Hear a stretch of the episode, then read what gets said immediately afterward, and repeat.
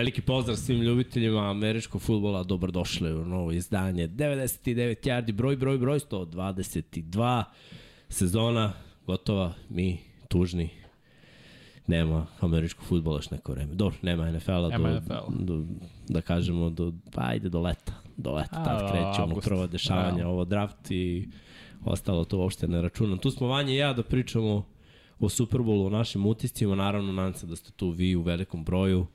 Jeste petak, jeste nešto lepo vreme za, za ovo godišnje doba, Mhm. ali nadam se da vas ima, to ću kasnije da, da čekiramo. Ono vas pozovem, like, subscribe, jednostavno je vreme da podržite ovu ekipu. Ako do sada niste, postanite naši svetioničari ili pokrovitelji na Patreonu. Možete da nosite ovako duks kao ja ili ovako duks kao Vanja. Tako je, pa da. Za kapicu je već skoro kasno, ajde, ali Ima tu je još. šolja, bit će u muškim bojama. ali da kažemo, Lepa boja. ali da kažemo ovaj, da, da, da za sada ima dosta stvari na šopu, sve ono nešto što smo želi i dalje čekamo one posebne majice, ali to će, i te majice moramo da urgiramo da budu ovaj fitness kroj. Da, da, to Slim je fit mora da bude, apsolutno da. Pa da, Pa pošto su Vanju i meni iskitovali da, za, Da. za ovo kao za, za common people, krenite teretano što vam kažem. Da, Ili mora, mora. posvetite se malo sebi.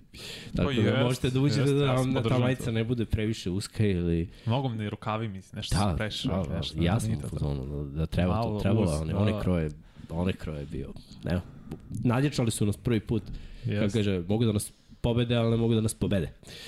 Tako da, to su rekli Chiefs u stvari, Philadelphia, i, ali ajde da kažemo ovako, pre nego što otvorimo i cel, celu priču o Superbolu, ja sam onako i dalje pod utiskom. Dva puta sam odgledao i dalje mislim da je jedan od najboljih Superbolova ofanzivnih, sad neko Mhm. voli i defanzivne, ali nakon 2-3 onako malo defanzivnija, neefikasnija, mislim da je ovaj Super Bowl baš bio na, na visini zadatka.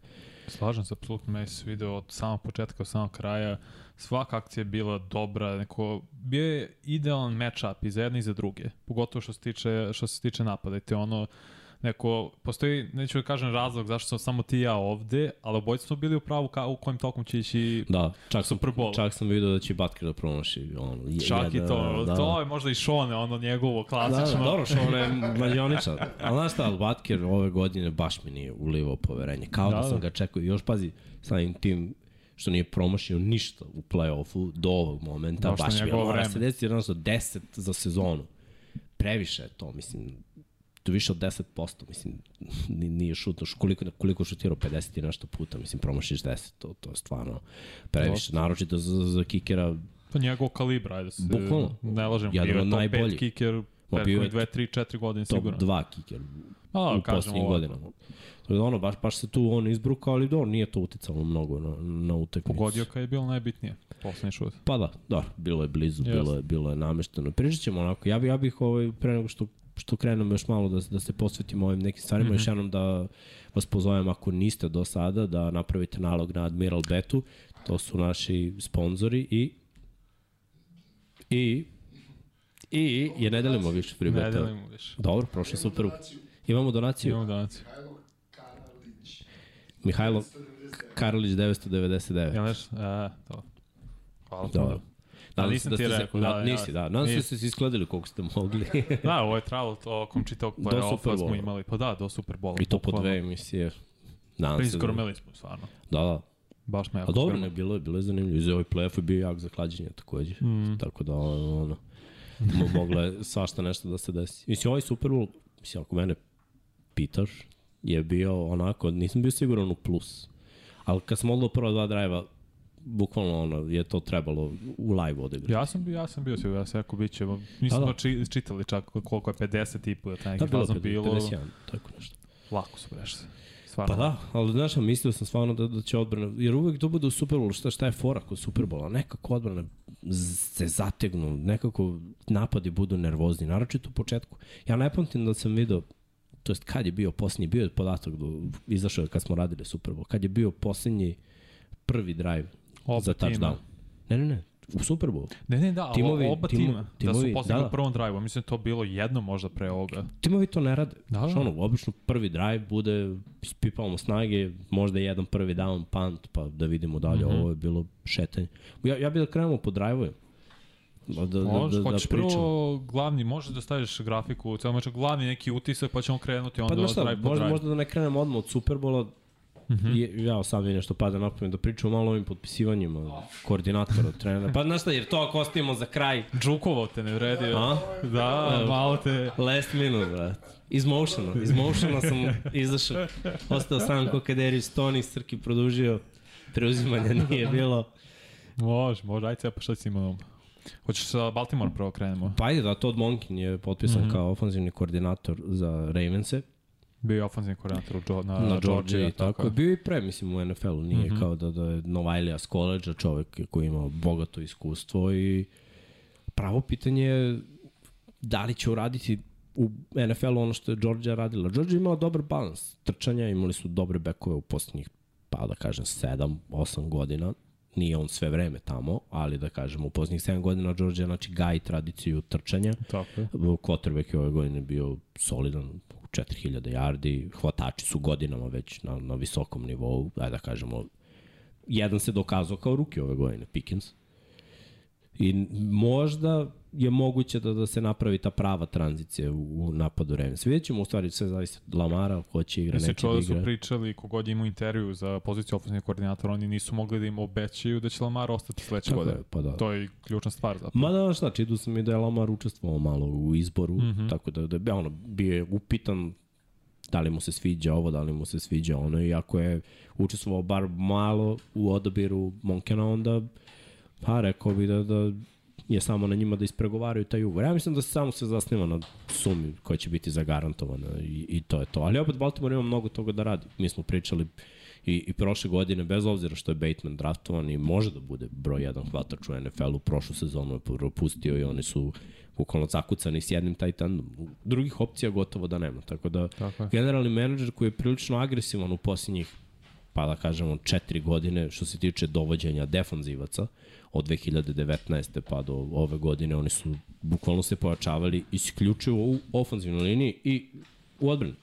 Bukvalno nije bilo pojačanja što se tiče slobodnih agenata, da nisu, što ja volim da kažem, ispušene muštikle. Tako je. Tako da je to, to nešto na čemu mora da se poradi. Mora da se dovede neko ko je ime, mora da se draftuje takođe i vidjet ćemo šta će sve, kako će biti plan, znaš, jer ti ne možeš da praviš playbook dok ne znaš da li Lamar igra ili ne. Pa da, ja, sad, ja da sam na mesto Baltimora draftao bih hvatača u prvoj rundi opet.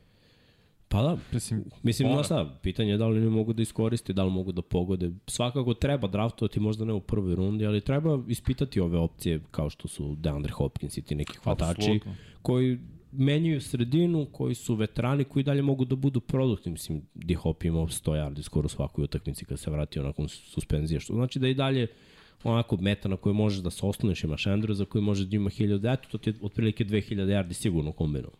I onda nas, nastaviš dalje da, da, da tražiš da li je to draft, da li su to mladi igrači, ali da kažemo to je jedno potpisivanje.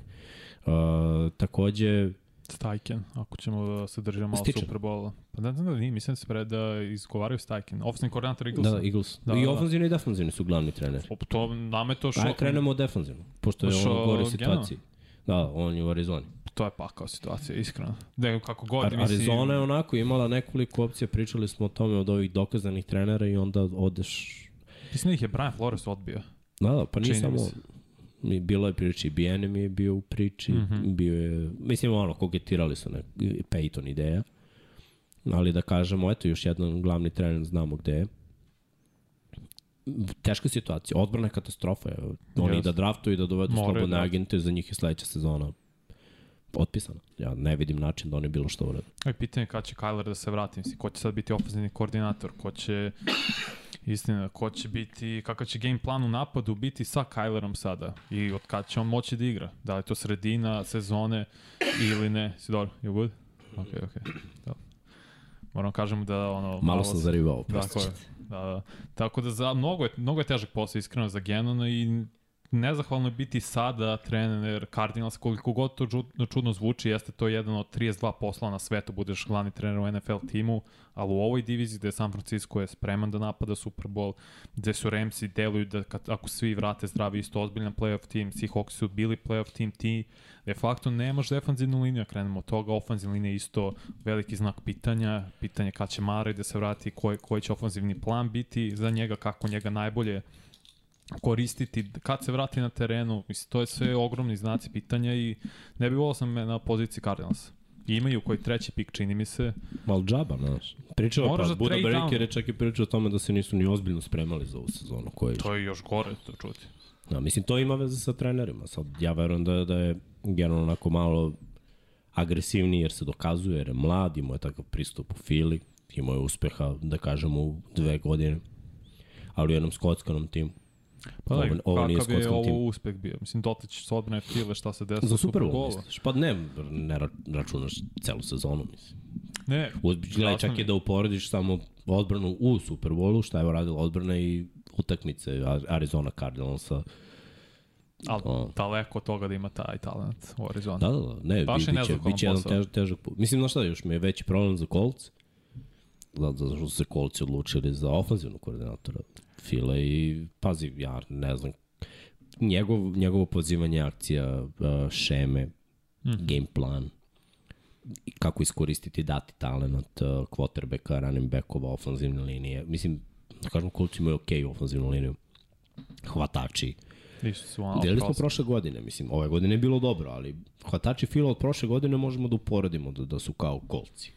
Jedan, jedna opcija i ovo ostalo mora da radi. No, I on mislim, je ušao u playoff i jest. prošle godine, mislim, njegov napad je bio okej, nije to bilo ništa posebno, ali ovaj, sada će imati quarterbacka koji ja verujem da, da, da, da, da je ruki quarterback, da. Da, draftovat će sigurno. Mislim, im je četvrtog pika na draftu, možda će iskočiti na poziciji broj 1, nikad se ne zna.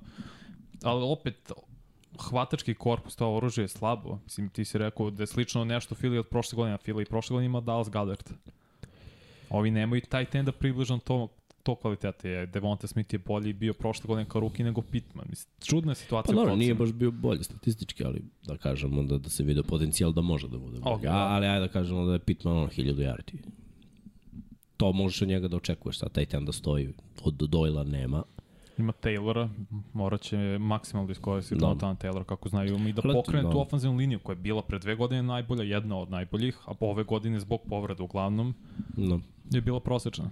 Biće težak posao. Meni je i to jednako težak posao. Naravno ako uzmemo diviziju da je ono Tennessee jako dobar tim, da je Jacksonville delo kao da, da, da će voditi glavnu Isto ti priču. je Colts i Cardinals i situacija.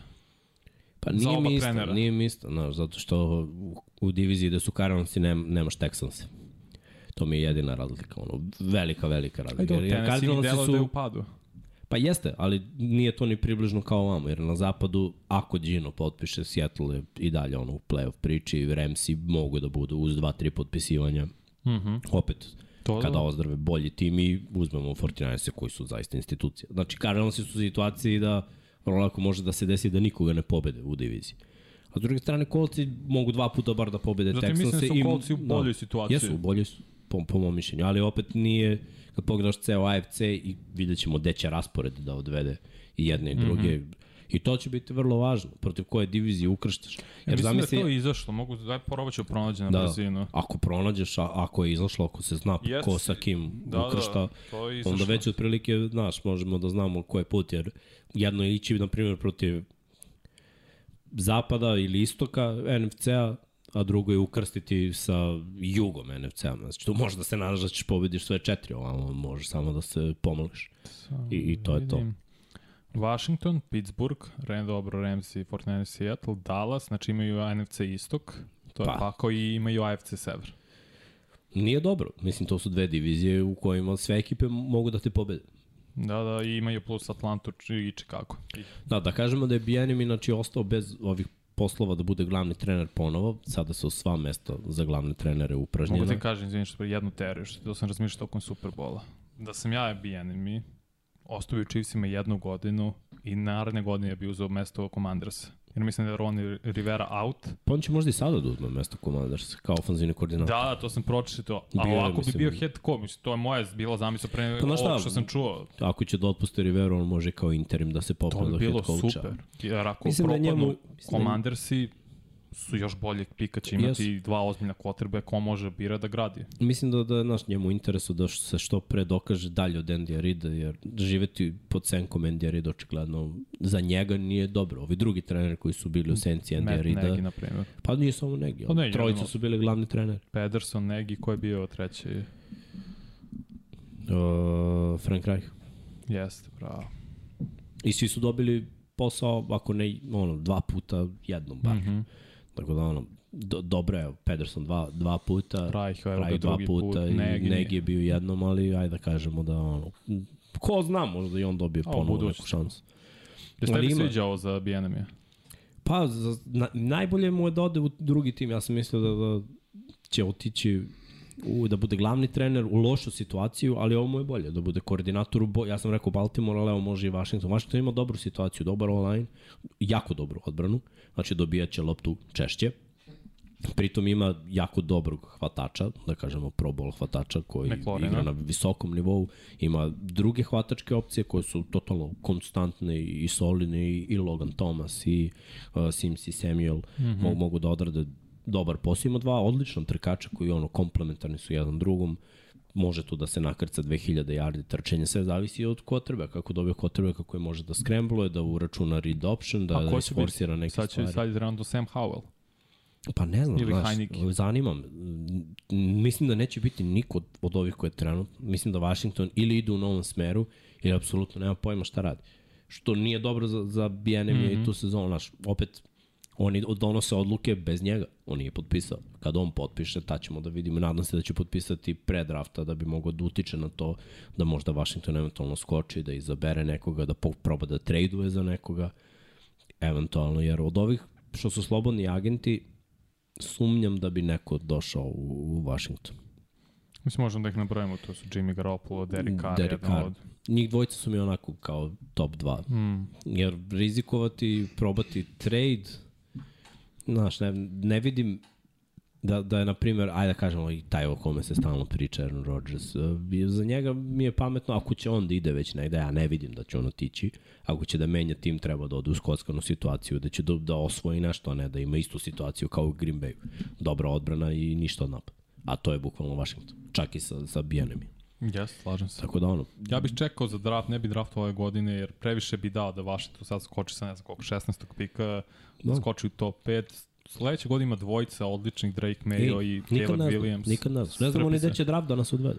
Isto Mi je. dalje nemamo predstavu da, mislim, imamo teorije. Ceo svet sad ima teoriju Naravno. i sve teorije su jako slične da će biti mnogo quarterbackova u top 10. Ja ih vidim četiri u top Tako 9, je. tako da. Ne mora da znači. Naravno.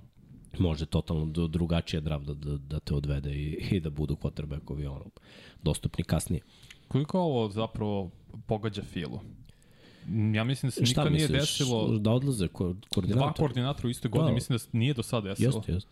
Ne, ne, u, ja mislim stvarno da nije, da se negde pročeo da to se desilo jednom, ko zna kada je to bilo. Da u istom godini od Super Bowl gubitnika dva oba koordinatora Aha, odu. u Super Bowl gubitnika, da. To, To- se to ne moguće, dešava. to moguće. to se uopšte ne dešava i to ja sam šokiran da su obojica otišli i sad treba novi coaching staff se napravi. Pa da, mada, znaš šta, oni su i ovaj coaching staff sklepali. Mm -hmm. I mislim da mogu da unaprede neke ljude i vidjet ćemo. Mislim, znaš šta, meni je još smešnije, da, na primjer, Detroit. Gotovo svi pomoćni treneri su angažovani na drugim mestima. Znači, baš sam danas ređao, ređao i mi smo pričali o tome da je Detroit uh, favorit za eventualno osvajanje divizije, ali prvo je krenuo trener D-line-a, trener ovoga, trener, i pročitao sam četiri različita trenera Za pozicije. za pozicije. Mm -hmm. Znači ne ofanzivni i defanzivni koordinator, ali pozicioni treneri rade, rade posao, oni sprovode ono što ofanzivni i defanzivni koordinator žele u delu. Znači da ti odu četiri pomoćnika u toku jednog off-seasona i za Dana Campbella je ovo težak posao, on mora da nađe nove ljude. Gledali smo u Hard Knocksu kako je teško našao i over, nema iskustva, nema neku ekipu iza sebe, on je random skupio neke ljude koje gotive, Pa koji su bivši po ligi, igrači. realno. Je tako? Da, da, to je to. I pogodio je.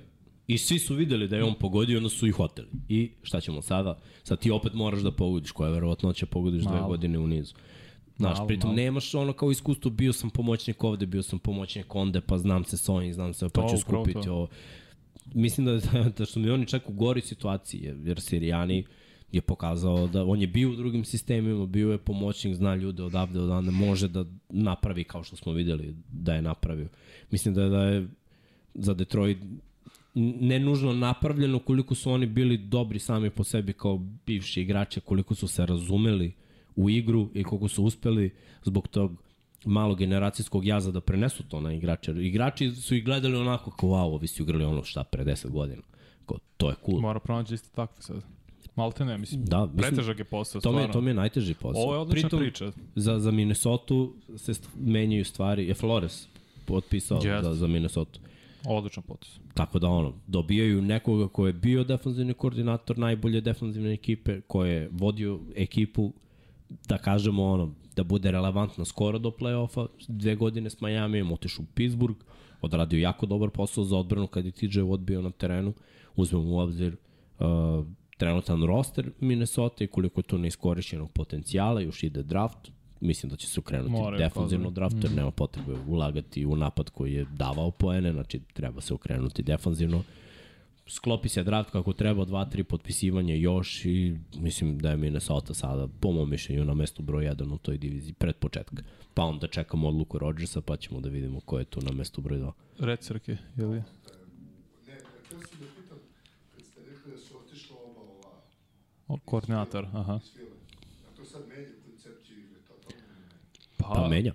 Menja zato što će dobar i- broj igrača iz te odbrane otići, koji su ili u penziju veterani ili prosto im isteklu. E, ali ja sumnjam da će otići u penziju. To je ono što sam baš pomenuo, što sam pomenuo i Jimmyu. E sad, ti kada menjaš ideju, filozofiju, filozofija je nešto što je filozofija glavnog trenera. Njegovu filozofiju prenose koordinatori na delo. Znači ja kao glavni trener mogu da kažem, ok, ti si stručnjak za odbranu, ali ja hoću da mi igram ovo ili, ili mogu kažem ne zanima me ti vodi odbranu. Razumeš, ali Sirijani vodi napad na, na neki svoj način, učestvuje u odlukama. Tako da odlazak ofanzivnog koordinatora ja ne verujem da će ostaviti previše previše rupa mm -hmm. u pozivanju akcije, jer mislim imaš ofanzivnu liniju, ja verujem da će ostati u istom sastavu, jer kad izgubiš Super Bowl ovako ne, na, za dlaku, mislim da će se svi vratiti na još jednu godinu. Jer tačno se vidi prozor ove ekipe, da, da je to tako. Što se tiče veterana. Sad imaš igrače koji će verovatno pojuriti jači ugovor, oni će otići, jer njima treba kint. Znači, ja sumnjam da će Graham, koji je legenda Fila, da ode u penziju zato što je mator. Nije toliko mator, a imao je dvocifreni broj sekova. Fletcher Cox, to, to se možda se potpiše za neki veteranski Ja mogu ti minimum. pročitam neke od slobodnih agencija. Da, da. Fletcher Cox Fletcher Cox i uh, Graham, ja Yes. mislim da se oni vraćaju Robert na još jednu godinu. Je slobodan agent. On je slobodan agent, te sad je pitanje, znaš, nije on imao ni neku rotaciju, niti neku ulogu ovde u, u Rašu Filadelfije. On je bio još jedno, bukvalno. još jedno telo, tako je. E sad, Robert Quinn može verovatno da uzme više kinte u drugoj ekipi koja ima slabiji kep, ja mislim da će on otići, ali opet on nije imao toliki utice ove godine. Hargrave, Potpisuje i ostaje. Nema, nema razloga da ne ostane, jer Cox ako se vraća, vraća se na godinu dana i onda ostaju Hargrave i ovaj mali Davis. Jordan Davis. on- Onda je, Fila opet ima priču za nekoliko godina. I. Philadelphia se isplati. Uh, da li Bradbury se ide. isplati? Da, da li se isplati Phil, uopšte ga potpisuje? Hargrave da, Bradbury ne. ne nema pojnti, imaju dva pika u prvoj rundi. Tako je. Draftuješ odmah najbolje cornerbacka koji ti je trenutno tu. Mm. -hmm. Verovatno će ti to biti prvi izbor, jer, ajde da kažemo kako mi vidimo draft, neće mnogo cornerbackova otići do, do filenog pika. Broj 10 Tako da, da, da, da imaju ono prvog ili drugog po mom mišljenju, što je vrhunski mali odmah starter, igra nasuprot Sleja, može da nauči dosta, Garnera Johnsona takođe On je uzmu isto- u obzir. Da, da, pa koliko je to? To je tri igrača. Zapravo. Gardner Johnson i TJ Edwards, linebacker, isto slobodni Da. agent. I su, dobro, su i Nema. Joseph su isto slobodni agenti. Miles Sanders isto slobodni agent. Su nije toliko važan, Sandersa puštaju i dalje, jer može da se uzme running back u kasnim rundama, takođe mogu da... Znači moraju, moraju realno Gardner Johnsona potpišu. To Gardnera je, Johnsona moraju da potpišu Hargreva, moraju da potpišu. Ovi, ovi će se vratiti, verovatno, Plus- jer ti imaš, kako se, kako se vratio Cox ove godine? Se sećaš? bio je pušten, Katovan. tako je. Tako je, da, da. bio je katovan je i kroz ve, da bi oslobodio. Ekipu od kepa, prošao je waiver Tako i je. čak i da ga je neko zvao, ja verujem da mi on rekao neću da igram i vratio se da igra za Filu za, za neke smešne pare. Jer, mislim, on je uzao dovoljno para od mm -hmm. Filu, znaš, i isto je Graham uzeo mnogo para od Fila. To su igrači, to je konec sezone, ja poredim s Baltimoreom kad su izgubili na, na field goal od New Englanda, sledeće godine su se svi vratili da igraju ono za bud zašto. Jer su svi bili u fazonu, mislim, ono, ako je ove godine falilo ovo licno, sledeće godina je naša godina. To se u, ne isplati uvek. Primer Tampa Bay Buccaneers koji su vratili Da. sve startere. Ali oni su, maltene- da, ali oni su osvojili. Ne, oni su pre toga osvojili. Su mislili, ok, vraćamo Da. sve. I uzet ćemo dva puta za redom. Ali znaš šta, veći je motiv kad ne uzmeš. Iskreno. Da. Taj, taj Slažem neki se. bes, I mnogo je teže da ponoviš. Naravno. Treba da se sve iskristališ. Ali pazi, sve zavisi od ugovora Hrca. dešava se... Ajde da se ne lažemo, on je, nije slobodan Da. agent, ali Nije. sad se vode pregovore oko njegovog ugovora. A vidjet ćemo za to, znaš. Još uvek, još uvek postoje mnogi načine da, da Fila sve to reši. Fila ima draft kapital, to je ono što za njih. Bili su Super Bowl, imaju draft kapital. To je nešto što im mnogo znači. I sad za sledeću godinu, kad ti pogledaš, znači po mom mišljenju treba da raftuju hvatača broj 3. To je ne, ili da dovedu nekoga, jer smo videli da, da eto, je, savršeno dodavanje neka nije uspeo da uhvati to, to je bio veliki problem. Treba im hvatačka opcija, znači broj 4. Kada dođe novi ofenzivni koordinator, on treba da nastavi sa idejom eksploatisanja trčanja, red opšana i ovih sigurnih dodavanja. Jer ti imaš dva igrača igraju man coverage, možda ih ubiješ sa, sa AJ Brownom i Devonta Smithom. Samuelo i Dillard su isto tekli guard. Da. Ovo je starter i oni su slobodni agenti. Mislim pazi, da i njih je- treba da Meni je naj, najveće pitanje Kelsey, ali opet kažem da, da će on verovatno čekati, čekati malo. I prošle godine je bila ista priča. Slično, I da. on ima jednog Super Bowl, stoje, ali mislim da treba da prepozna da je, da je ovo šansa da se uzme još jedan, jer je ekipa kompletna. Ko je u NFC-u? Ovo je, ovo je stvarno realno pitanje. Hurts je trenutno, ne računam Rodgersa, nemam pojma šta je s njim, najbolji quarterback u NFC-u. Pa vrlo moguće, da. Koliko god to možda ljudima zvuči nerealno, ali stvarno jeste Da. tako. Najbolje, ne, ne, i najbolje playmaker. Mislim, ja ne razmišljaš ko bi mogo Nećemo, da bude. ne moramo da odvajamo naš, ono, kao uh, trčanje, Ne, ne. snaga ruke, preciznost, nego Pričam. playmaker ko, ko ima naj, najjaču trenutno. I Fila ima, pored San Francisco, najbolji tim. Mislim, San Francisco ima ozbiljne znak pitanja poziciji quarterback. Ima da. Ne znamo šta će biti Ramsey, ne znamo Minnesota kako, da će moći ponovi ovo, mislim, dobili su 11 mečeva na jedan posed. Tako je. To se ne dešava, to neće se sigurno desiti dve godine za redom. Pa da, mislim, Dallas, će se zategne. pitanja i sa Dakom i generalno ko je hvatač broj 2, odbrana šta će se desiti, tu vrati, vraća se Quinal opet i oni su dve godine za redom predvodili ligu u, u od, oduzetim loptama i to se ne dešava toliko često. Napeto je, napeto je baš. Mislim, za Filu je ovo mnogo lakša situacija nego što je bila za Tampa. jer Tampa kad je želela da ponovi u drugoj godini, Ramsi su krenuli all in. Tako je. Jedna od ekipa Green Bay ima ono 13 pobjeda. Tako je. Znaš, ono, i oni su ozbiljan tim, San Francisco ne možeš da ih otpišeš i oni su bili ono, ekipa iz prikreka koja je kompletna. Tako je. Pa ako ostanu zdravi mogu da naprave čuda. Znaš, te godine delovalo, ok, imaš četiri ekipe, meni sad ne deluje. Mislim, dobro, još rano. Mislim, mi pričamo o novoj sezoni, ovo se tek završila, ali za sada deluje da ako Fila ostane 70% sa istim rosterom i popuni se nekim mladim igračima i nekim slobodnim agentima da to može da bude easy money za, za Phil. Mm. Tako da to bi ja mislim bilo to što se tiče ovih pomoćnika. Vic Fangio je služio Rex Philly. Ryan je otišao, i to je vrlo vratno će otići u Denver da Da. vodi odbranu, to je isto dobar potez. Sean Payton on očigledno pravi odličan coaching staff. Pa i Vic Fangio, je- David Fangio. Vic Fangio je u Miami. Da, to smo spomenuli Da, prošle. prošle nedelje, da. Jel imaš još neko ko ti pada na um? Aj, baci pogled, razmisli. Hoćeš da pređemo dalje dok Srki ne nađe. Gledao sam neku konferenciju bre Čije? nekog trenera na, da nije Shanahan, nije.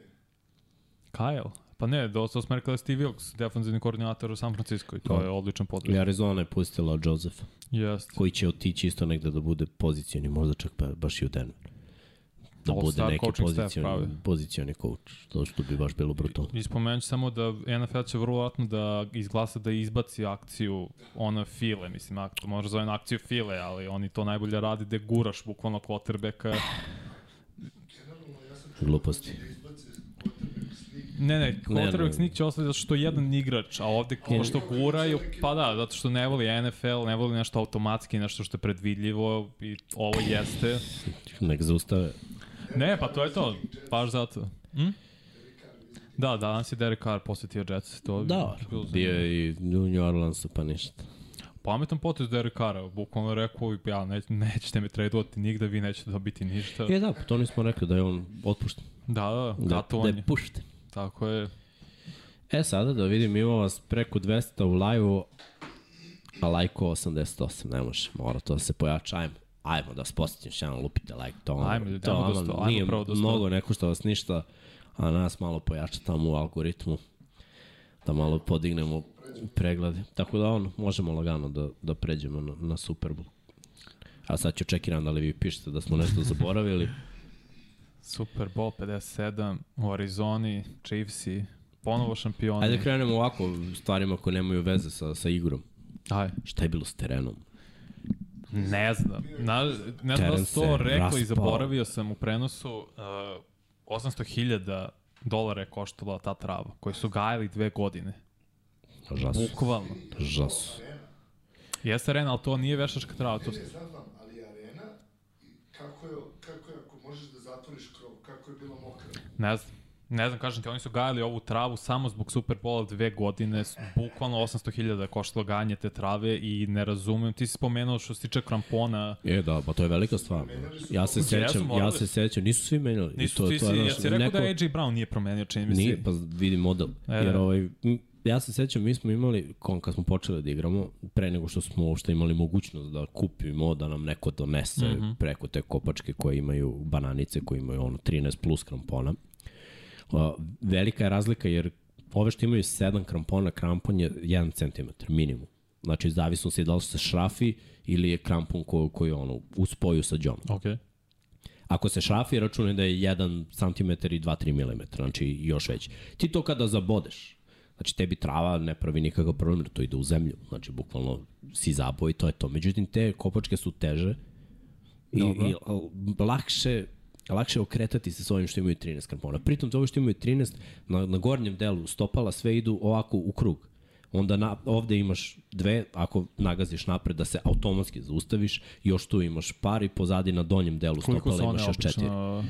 Prvo, one su lakše za, za jedno 400 grama, otprilike Okej. od ovih. Znači, skill igrači, skill igrači vole lagane kope. Znači, kao u futbolu, Ček, rekao se da ove centimetar, možda malo jače. ali misliš koliko su veliki je. kramponi na novim bananicama? Da. Možda pola santimetra. Ok. Znači, ra razlika je velika. Mm -hmm. I, naravno, kada s- upucaš pun sprint sa kilažom, no, pazi, klizamo se mi skillovi što imamo 85 kila, zamisli koliko se s- kliza čovek od 110 u punom sprintu. Jednostavno, inercija, Tako. zakon fizike, razumeš?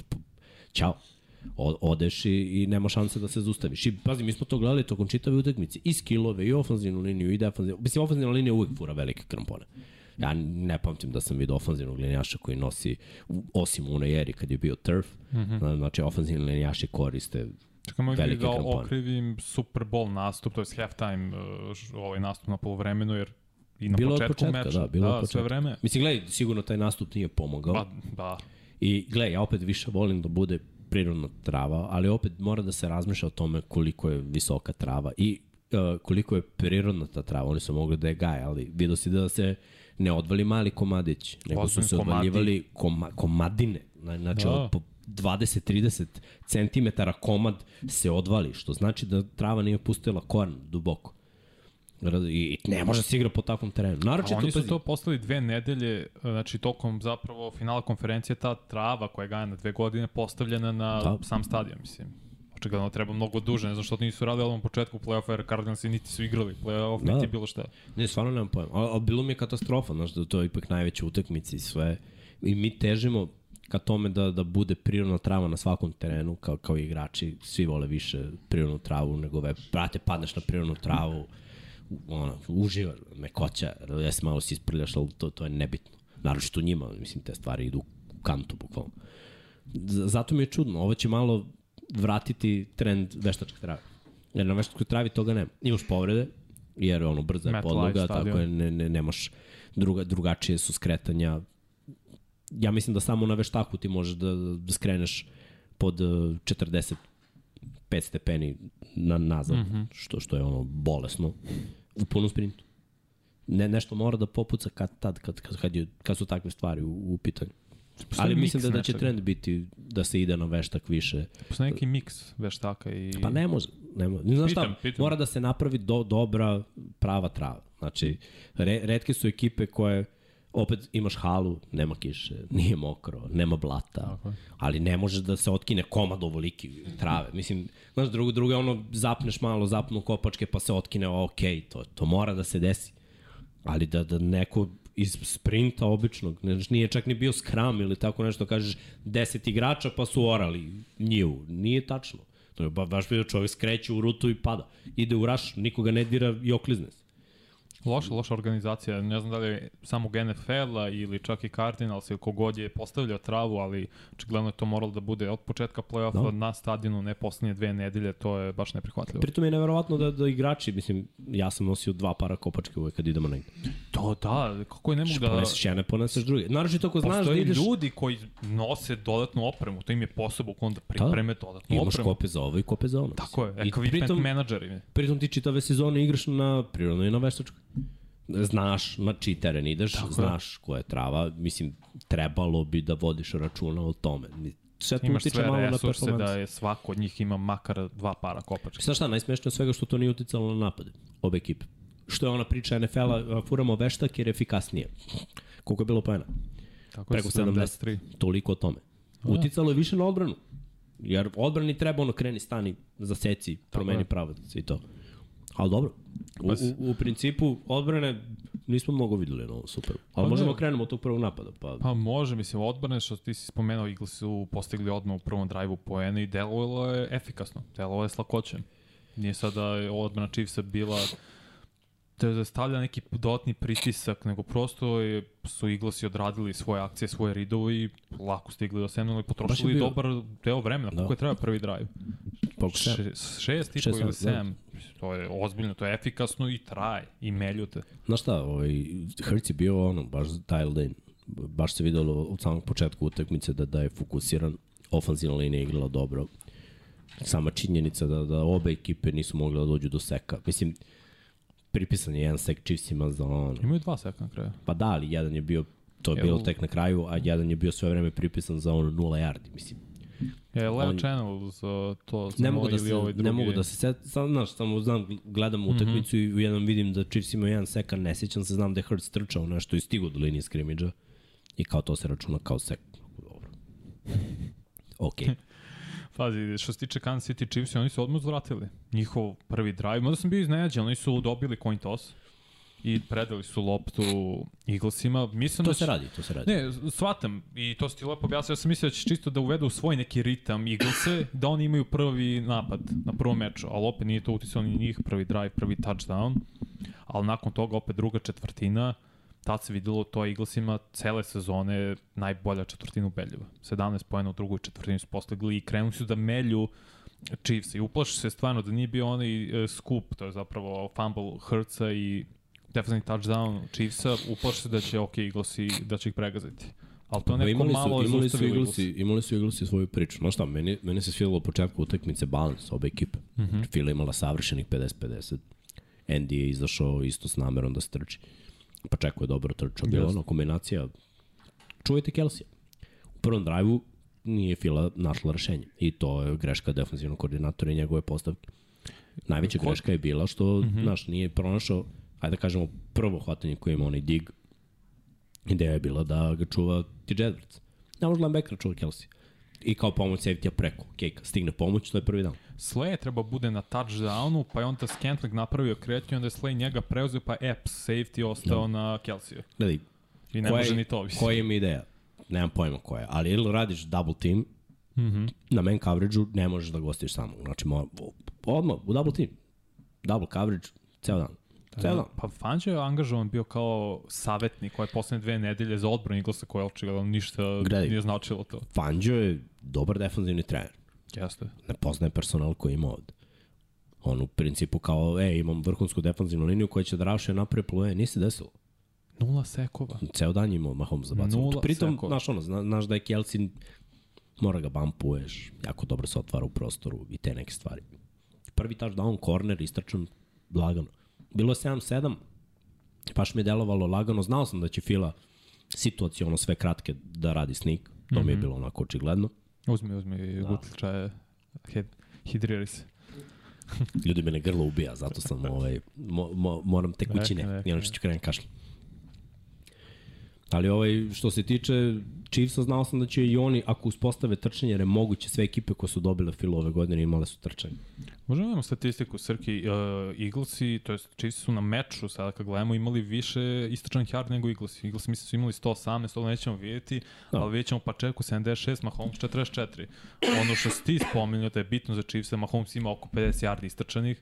No, svaki buga Jimmy kaže da Mahomes nije scrambler, on ima 50 yardi po tebi. A, Pritom ovo je- imao je 50, ovaj bio kneel down. No, jest, i pa ga vratili unazad, da, da. Mislim, imao je par ključnih trčanja u drugom polovremenu, doćemo do toga, ali su uspostavili ritam. Uh, Chiefsi, moraš moram da vidim da li si dobar, dobar si, dobar si. Ali, to opet nekako, ne, ali opet to neko u prvom polovremenu, makar nije uticalo Eagles, jer su oni imali loptu 22 minuta od 30. To je suludo. Da. To je stvarno suludo. Ja sam mislio da će to biti, to smo donekli ti i ja bili u pravu, ja sam mislio da će to biti glavni faktor za pobedu Eaglesa, po, vreme poseta, što se postavilo tačno u prvom polovremenu. Ali Chiefsi su Da. to preokrenuli u drugom i oni su imali 16 minuta u odnosu na 14 Eaglesa u drugom polovremenu. Iskoristili svoje šanse. Ali dominacija Eaglesa u drugoj četvrtini je nevjerojatna cele godine. Da niko njima Jeste. ne može da ne znam šta je to, to možda ti Jenny možete bolje da objasnite da li je to do uh, šeme ili šta, ne znam šta se dešava da niko ne može da ustavi Eagles u drugoj četvrtini. I gaze i melju konstantno. Pa prvo, dobar je, ovaj, dobar je game plan i dobar je odnos. Uh, to je bila jedna od redkih dobrih defanzivnih uh, akcija File. Da, da su uspeli da, da ih nateraju na grešku da, da vrate loptu. Chiefs. Bio je, bat, uh, Chiefs je, da, Butker je promašio isto, mislim, to nema veze sa odbranom, ali mm -hmm. i to, znaš, kad ti ide, jednostavno, koje je opravdanje zašto, ili koji je razlog zašto je kiker promašio? Kiker. Ali kad ti ide, ide. Znaš, ono, kada pada neka pljušti. I do, do, dobili su loptu. Kako ćeš da odgovoriš na promašeni field goal protivnika? Tebi u glavi, pff, Poen. ide touchdown. Tako je. I još je touchdown. Mislim, odbrana Chiefsa jednostavno nije napravljena da, ču, da zaustavi ovaj napad Fila ako Fila poziva akcije kako treba. Pritom kada je bio fumble, mm -hmm. što se desilo u prvom polovremenu, bio je treći za jedan. I oni su uzeli I- prvi down, ali bio false start. Oni Da. su vraćeni 5 Pet yardi i Pa ideja je da bila... Ne. Ne akcija je bila kubedro Jel da? trčanje quarterback, tako je. I on je krenuo da trči, lopta mu je bila u levoj ruci, video je Boltona koji je prošao kroz gepe jer je pročitao da će biti trčanje quarterbacka, teo je da spakuje loptu iz leve u desno. prebacuje, da. da. I u tom procesu prebacivanja, što je, znaš šta, za, za skill igrače to ono što radiš po ceo dan, mi samo. Pa, Znači mi bukvalno ono, to prebacivanje lopte iz ruke u ruku, to je nešto prirodno. I to mora da se desi sad. Desi se ponekad da ti zapne, šta je ideja u tom prebacivanju? Da kad ti je lopta u jednoj ruci, mm -hmm. da drugu prevučeš do vrha i onda je samo Ja spakuješ u bude drugu. sve vreme ustao. Tako je. Međutim, on je probao da uradi ovo.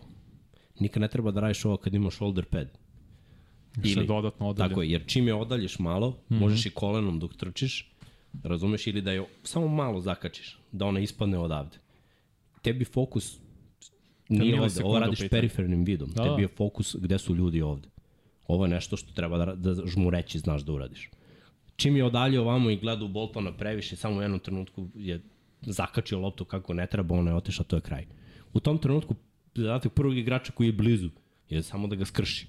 Samo da on Jeste. bude na zemlji da bi neko stigao do lopte. I Bolton je to radio i vratio za touchdown. I to je baš onako bila velika greška u tom trenutku sam se zapitao da li je Hurts taj lik.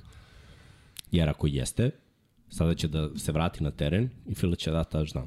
A ako nije, ovo će biti jedan katastrofa Super Bowl jer ćemo gledati on, samo Chiefs jer će Hurts da potone. Ali nije. Hurts se vratio, ne samo što je u tom istom napadu imao četvrti down isto za, za pet. Istočio je 20. I istočio je touchdown opet. Mislim, njegove, njegova statistika na ovoj tekmi. On je imao tri istrčana touchdowna, to je, niko nije uradio sem Terrell Davisa, tri mislim, running backa. On je Burazir i bacio savršeno. Pazi, uh, zeznuo ga je na kraju uh, Devonte Smith što nije utrčao onaj fade touchdown. na kraju Tako za touchdown. Ali ono što je bacio AJ Brown, savršena lopta, onako se baca korner. Ja mislim da je Jalen Hurts odigrao od svih quarterbackova, mladih quarterbackova koji su prvi put na, na velikoj sceni u Superbowlu najbolju tekmu koju sam ja odgledao. Ne pamtim da je neko ono, da nije veteran, da nije... Ne, jasno da znaš, je prvi put igra Super On dečko prošle godine izgubio prvu tekmu u play-offu, ove godine igra Super Bowl Izdominirao, onda je dobio zemlja. loptu. Nebo i zemlja. Da, da su dobili loptu, da su imali ono minut i po, šta znam. Oni bi dali poene. Da, Da, I on je dečko bio toliko dial in, znači ovo je bila jedna greška i to je bila jedina greška u Superbowlu. Jeste. To je smešno. E, Kad, pa- kad si gledao Super Bowl da ima jedna izgubljena lopta samo. Ma ne sećam se. I da nema sekova. Ne sećam se. Bolesno. Ne, ne, uh, nebo i zemlja, kad setim kako je igrao Hurts protiv Tampe, taj meč, to je bio grozan meč. Da. Ne samo Philly, nego njegov grozan meč. Prvi meč u play-offu. Jeste. Sad Super Bowl, njegov prvi. Odigrao je, mislim, stvarno mogu da kažem, bolje od E, Mahomesa. ali svaki put kad je bila frka, Edge je Brown imao jedan na jedan. Jeste. Oni su morali da pune boks. Kad god nije bio pun boks, mogla se trči lagano. Čitali su, imaju opcije. Drugo je kad imaš opcije. Prošle godine nije bilo opcije. Tako je. Pokušavali su rush da razbiju skrinovima. Srke, imamo neki problem? Srke krenuo mi diše ovako Da, teško. teško onako. Ja rekao, puklo je, nema, oda. Ugasio kompjuter mi ovo, ovo, rival za džave. Ja, samo kadre je lepo na mesi ako Da. želiš u in real time da vide ljudi. Daj nam, slobodno. daj nam još malo stats, malo da pričamo Da. o individualnim ovaj, Ne, pa da u prvom zaključemo polovremenu prvo- mi je delovalo da, da su AJ Brown, koji je uhvatio touchdown, i, i Kelsey bili igrači odluke, jedan i drugi su imali po touchdown u tom trenutku tako oko 50 60 yardi otprilike i to je onako bilo baš jako dobro. Trčanje je funkcionisalo za obe ekipe u prvom polovremenu i opet kad pogledamo čitavu utakmicu i, i to je bilo takođe cool. Ali, znaš šta, ono što je u prvom polovremenu meni napravilo isto veliku razliku zašto su Eaglesi u stvari vodili, jeste broj prebačenih yardi Jelena Hurtsa u odnosu na prebačene yarde Mahomesa. Jer je Hurts zapravo i trčao bolje, imao više yardi dodavanja. Ne, igrao je bolje. Jer je Fila koristila sve svoje šanse Da li je bilo mogla. nekada, ja mislim da bilo jednom da je, i to baš davno, da onaj koji izgubio Super Bowlu, bio, to jest jed- njegov igrač bio proglašen za MVP-a. Mislim da to se desilo jednom. Ma ne treba to da bude tako. Ne, ne treba, ali ako je neko pobedu. zaslužio, stvarno Hrc je odigrao neverovatno i doveo svoj tim u poziciju da pobede. Mislim, Eagles su vodili 24-14 na polovremenu. To je dvocifrena prednost. Jeste. Imaju, imaju 26-1 kada vode u Super Bowlu sa 10 ili više. Ali postoji problem jer Chiefs su znali da bi to moglo da bude scenario i zato su od- odložili odluku i dobili loptu na, na početku drugog polovremena i onda su sledili ovaj poen. Koliko, jel njima značilo, mislim ja verujem da jeste to što je su, uh, polovreme produženo. To je dalo Andy Reidu, njegovom coaching staffu, sve vreme ovog sveta da smisli što bolji game plan, da se prilagodi onome što Fila radi. Pa ne samo to, dalo je vremena medicinskom timu Chiefsa malo da reše Mahomes. To nismo spomenuli. Mahomes Poslednja akcija. Chiefs u prvom polovremenu je bilo obaranje Edwardsa, mu je skočen zglob ostao Mahomesov ispod Edwardsa, tako da ga je nategao malo taj, taj skočen zglob koji je već bio istegnut. I videlo se da, da uopšte nije naivno, bolelo je jako, ali uspeo je nekako da reši to medicinski tim Chiefsa. Mislim, ja sam pričao o tome. To, u jednom trenutku bio je Henry u kadru. I ovaj, naravno mi moramo pomenemo to. Sam odmah rekao Žuletu i Šonetu. Nema šanse. Onog trenutka ga Padre Mahomes bude rekao neću da igram u Super Bowl, da uđe Henny. To je to. Ja izlazim iz kabine, evo komentarišite Super. Bukvalno, Henry je otišao u penziju, brate. nema šanse to da se desi. Naročito ako uzmeš u obzir polovreme i pola sata. Mislim, znam koja je ta povreda, igrao sam celu sezonu kroz tu povredu. Boli ko đavo. Ali postoji način da se to reši. Razumeš? Znači, naročito za samo jedno polovreme. Još pazi, koliko trči on, koliko trči hvatač. Čekaj, moram da spomenu, je li tebi lakše, znam za sebe dok sam igrao košarku, bilo uvek trčim sprint pravo, sa povređenim s globom. On je da li puta istračao pravo samo, nije Tako menjao pravce. nije menjao, nema potrebe. Tako gledaj, je. ti kao hvatač sa skočnim zglobom, s povredom skočnom zgloba, ti moraš neke rute da trčiš na speed kat, na jedan kat, na kat na jednu nogu. Mm. I to će biti u nekom slučaju baš tako da te boli. Tako je. U tom trenutku kada zabodeš tu nogu i celu svoju težinu sručiš na taj skočni zglob, sledeće dve, tri akcije nisi u igri, jer ne- nema šanse koliko, koliko to boli. Kad imaš potrebe ka bleješ pozadi, mislim, u principu ne oslanjaš se toliko na nogu. Još ako ofenzivna linija radi posao i imaš balans trčanja i dodavanja, tebi je to lagano. Treba ti malo vremena, udariš koji painkiller, tejpuju dva puta, znači skinu ceo tejp, nameste ponovo imaš kiropraktičara, vrati sve kako treba, ide masaža, razumeš, pa ono, bio friz, pa onda odrade tejpovanje, pa obuš čarapu i kopačku, pa tejpuju preko kopačke, painkiller krene da udara dok se sve to završilo i ti, da kažemo, Miran. do kraja utakmice ne osjećaš mnogo, osim ako te neko opet ne izvrne. Nikoga nije izvrnuo bukvalno do kraja. A opet imamo neke jak, jako važne akcije trčanja. Jer njegov scramble pravi razliku, ja to pričam sve vreme, ne bi osvojio prvi Super Bowl da nije scramblovo, imao je po 50 yardi u svakoj tekmi, u prvoj, prvi put kad su uzeli Super Bowl, nije mogo to da radi protiv Tampa kad su izgubili, sad je mogo to da radi protiv File. Jer kad izađeš u spredu, jako je teško da, da obratiš pažnju na sve. Ti gledaš njega kao dodavača kad izađe u spredu sa mnogo hvatača. Samo zaboraviš Otvori u jednom, sredinu. zaboraviš u jednom trenutku mm. da on može da trči. I ako mu daš 20 yardi, on će uzme 20 yardi. Kao što je radio. Kako ti je bio ovaj halftime show? Gde se Ni, prebacimo? nisam, nisam gledao. Nisam Nisi gledao, da. Stvarno? Čuo sam samo prva pesma kad je krenula. Bilo da meni se videlo. Pa bio sam u fazonu, baš me zanimalo. Zanimalo me tekmo mnogo, znaš. Ba, baš sam bio u fazonu da, da ono, jedva čekam drugo polovreme da mi se gleda utakmica. I ovaj, bili su tu, bio Vesić u, u presu, pa smo malo pričali o, o tekmi, o, svemu tome. I onda kako se ovaj završilo, kako, kako je krenulo da se završava ovaj nastup, bukvalno smo se vratili nazad i kao ajde da radimo drugo polovreme. I drugo polovreme isto krenulo baš jako. Mislim, pazi, šta je po meni prelomilo prelomilo ovaj meč. Uh, nisam očekivao fail Filadelfije, toliki fail defanzivno, koji se desio tokom čitave tekme. Nisam očekivao da u preuzimanjima imaju toliko problema. Kad je Kadere Stone dao touchdown, to je baš Isti veliki kick fail. su napravili protiv Jacksonville. Nisu isti. Uh, Kadere Stone je bio zaboravljen protiv Jacksonville. Ne, ne, ne, ne, ne, ne, ne, ne mislim na Jackson, ne, ne, napad Jackson protiv Fila kad su igrali. Aha, Bukvalno je akcija Daga Pedersona skoro ista, ne znam Da. kad, kad, se, ko se otvorio tada, ali isto su zaboravili na shift i obio sam. Da.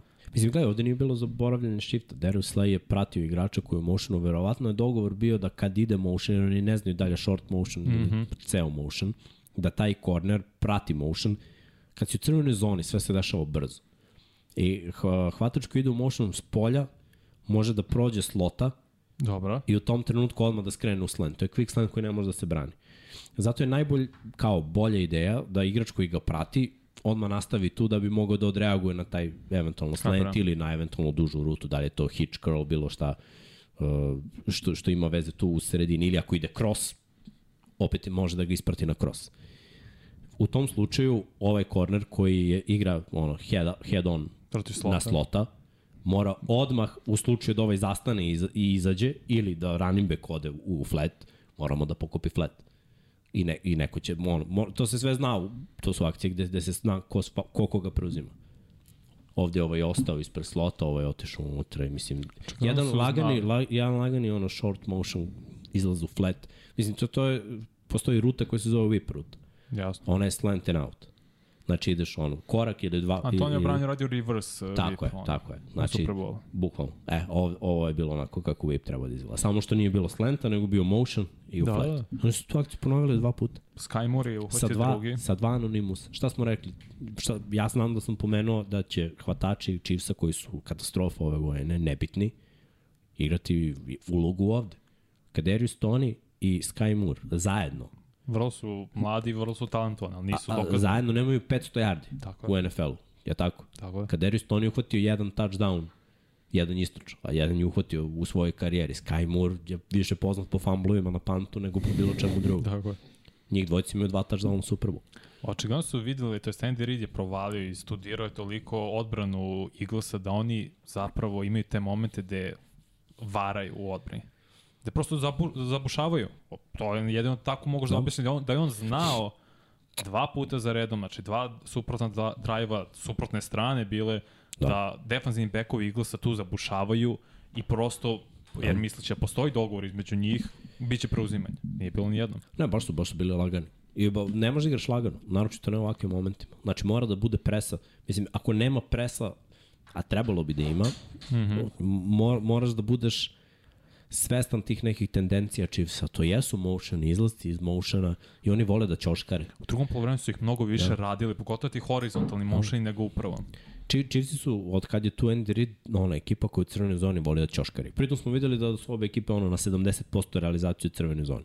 Tako je. Znači, ako nije prošlo nešto kroz sredinu, ako nisu uspeli da utrče, verovatno idu na ćoškarenje, to, to je njihov fazon. I to je njihov fazon bez obzira koji igraš, oni to rade godinama. Znači, za, za posljednjih, i dok je bio Alex Smith, za posljednjih 5-6 godina, mm -hmm. oni vole pilone.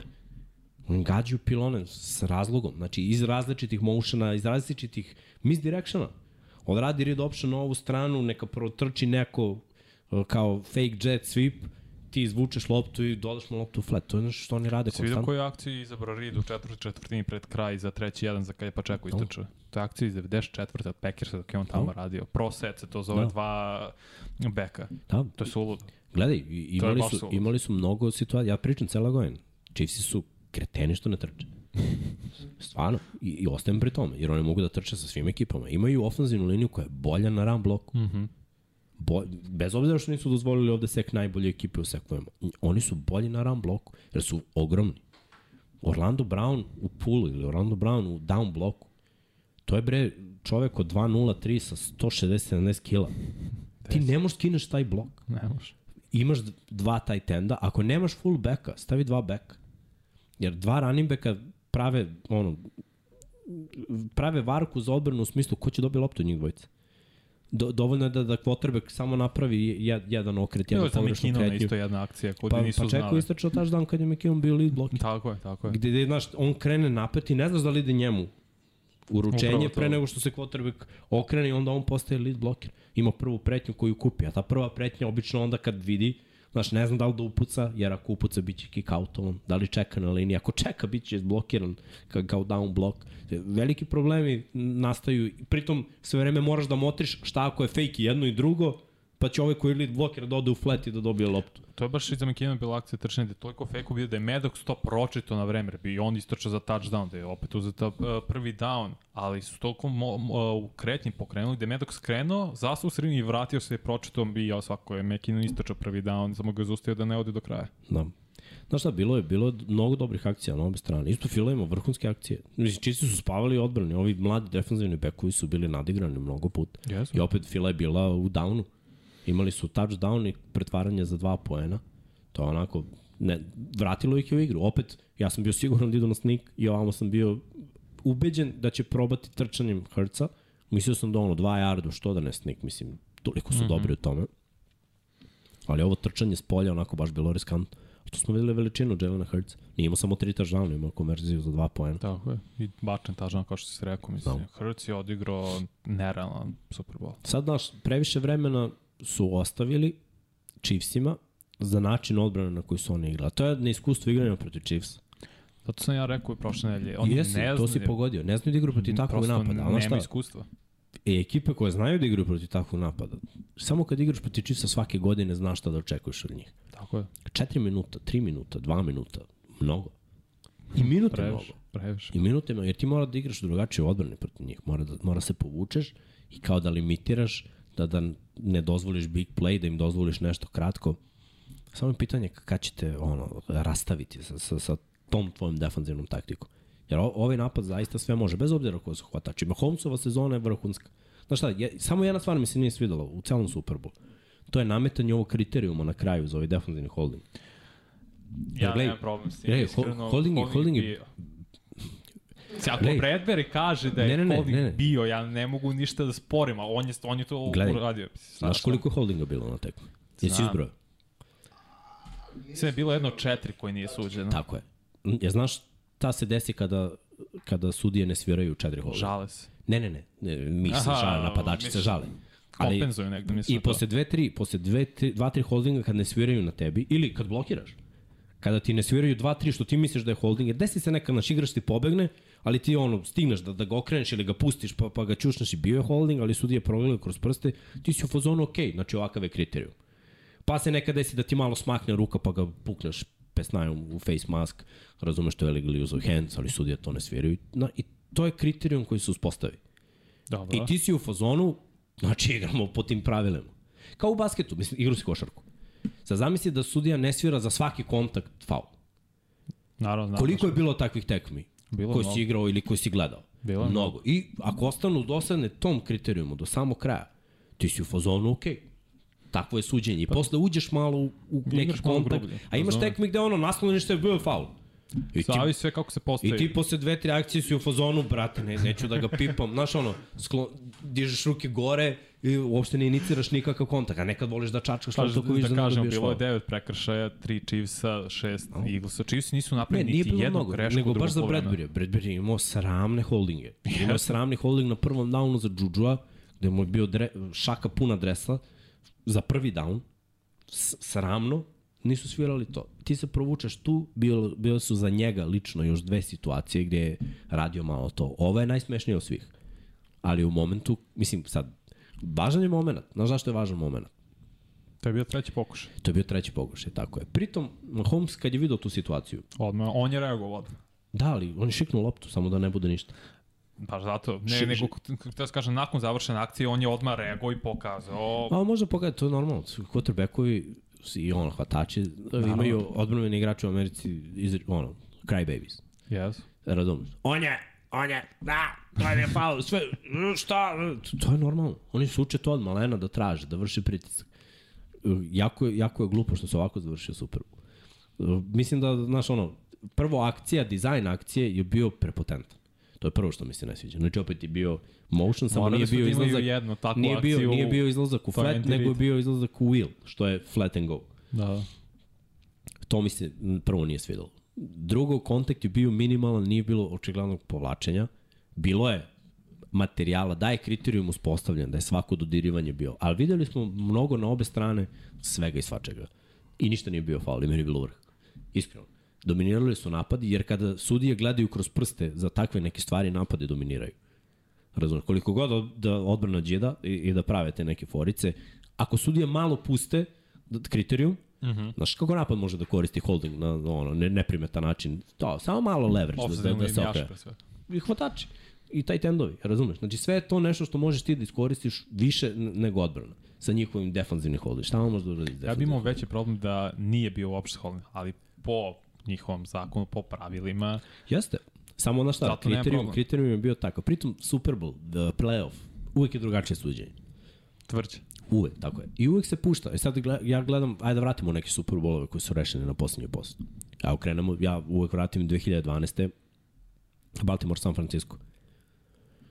Totalno bi drugačije sve izgledalo da je u onom poslednjom skoku Crabtree, ono bio ovo kao prekršaj. Te godine u finalu NFC-a, Rich Sherman koji je Kreptrija sve vreme čuškao, povlačio da bi skočio, da bi dirao loptu, tako. I Bilo je isto kao i ovo. Da li je svirano? Nije, zašto je play-off, ako si toliko ono bolji u tom momentu, mora napriš play. Juju nije bio blizu playa. Nekako je, samim tim što je on prepotentan ono, klinac, to, to me tek nervira. Ono, ovo Niti za videlo dan. A? Niti si videlo na Pa ne, ja volim te fore i peckanje, okej. Jesi Sad- video? Samo, da, da, naravno. Nego je- on je nebitan lik. Ne, jeste. Ja, on je bukvalno nebitan lik. Ova ekipa Chiefsa bi to uradila s bilo koji drugi Pazi, hvatač. u odbranu Juju imao je četiri hvatanja za prvi down. Na ovom meču. Mislim, imao je. imao je stvarno, ne mogu Juju, oduzem. Juju je bio imao drugi, drugi hvatač Imao je Chiefsa na dobro, ovoj bio, tekmi. bio odličan. Ne vam kažem, on je. će bio vrlo dobar. Bio je, ali da nije on tu, neko drugi bi imao četiri hvatanja. Na primjer. Ja razumem, zato što je ovo Mahomes. Naravno. Ja razumem, ono što su radili Kaderi Stone i Sky Moore, to, to može da uradi bilo ko. Razumeš, sa, sa ono, godinu dana treninga to možeš da uradiš u ovom sistemu Andy Rida sa Mahomesom. Dobro, ono što je radio. Tony za punt return je bilo specijalno. Punt return je bio loš feeling, to je filana greška. Ne možeš pantuješ tako. Uh, hang To time, si odmah rekao u Da. prenosu. to, to je loš pant. Znači prvo, njihova greška. Kernin mi je bio panter. Ovog su digli sa jara. Da, da pantuju Super Bowlu. Lik nije trenirao i pantovo nedeljama. Ideš s ovim što je, što je zdravo. Jer ovaj kog dovodiš, nisi siguran da radi posao kako treba. Ono, povređen je čovjek bio. Zadatak njegov u toj situaciji treba da bude da pantuje ka autu. Levom ili desnom, biraj, brate, ispucaj loptu ka autu. Nemoj da mu vraćaš return. Olakšaj return ekipi da, da ono stignu na vreme. Kaderius to nije iskoristio leverage. Uhvatio loptu u sredini, mu je ceo dan krenuo na levo, mm -hmm. čekao da se postave blokovi, pa cut back na drugu stranu, svi su se namestili na blok, sve je bilo legalno, stigu do 5 yardi. Najduži Dali su im dva touchdowna, tako je, 60 yardi. U, šede, u Super Bowl, 65. Da. Pa, bez problema. To je, znači, greška specijalnog tima. Kao što je Butker promašio field goal, ovde je Panther Ne, uništio to je to, jedan, ovi jedni, oni mislim, Chiefs su bili u Znaš šta, najgluplja stvar, savršeni. kad su dobili prvi down, Chiefs, najgluplja stvar Filina mi je bila ovo što su odustali od McKinnona. Mm Jer to je bilo play koji menja. Ne možeš da ga pustiš. Nije dečko debil.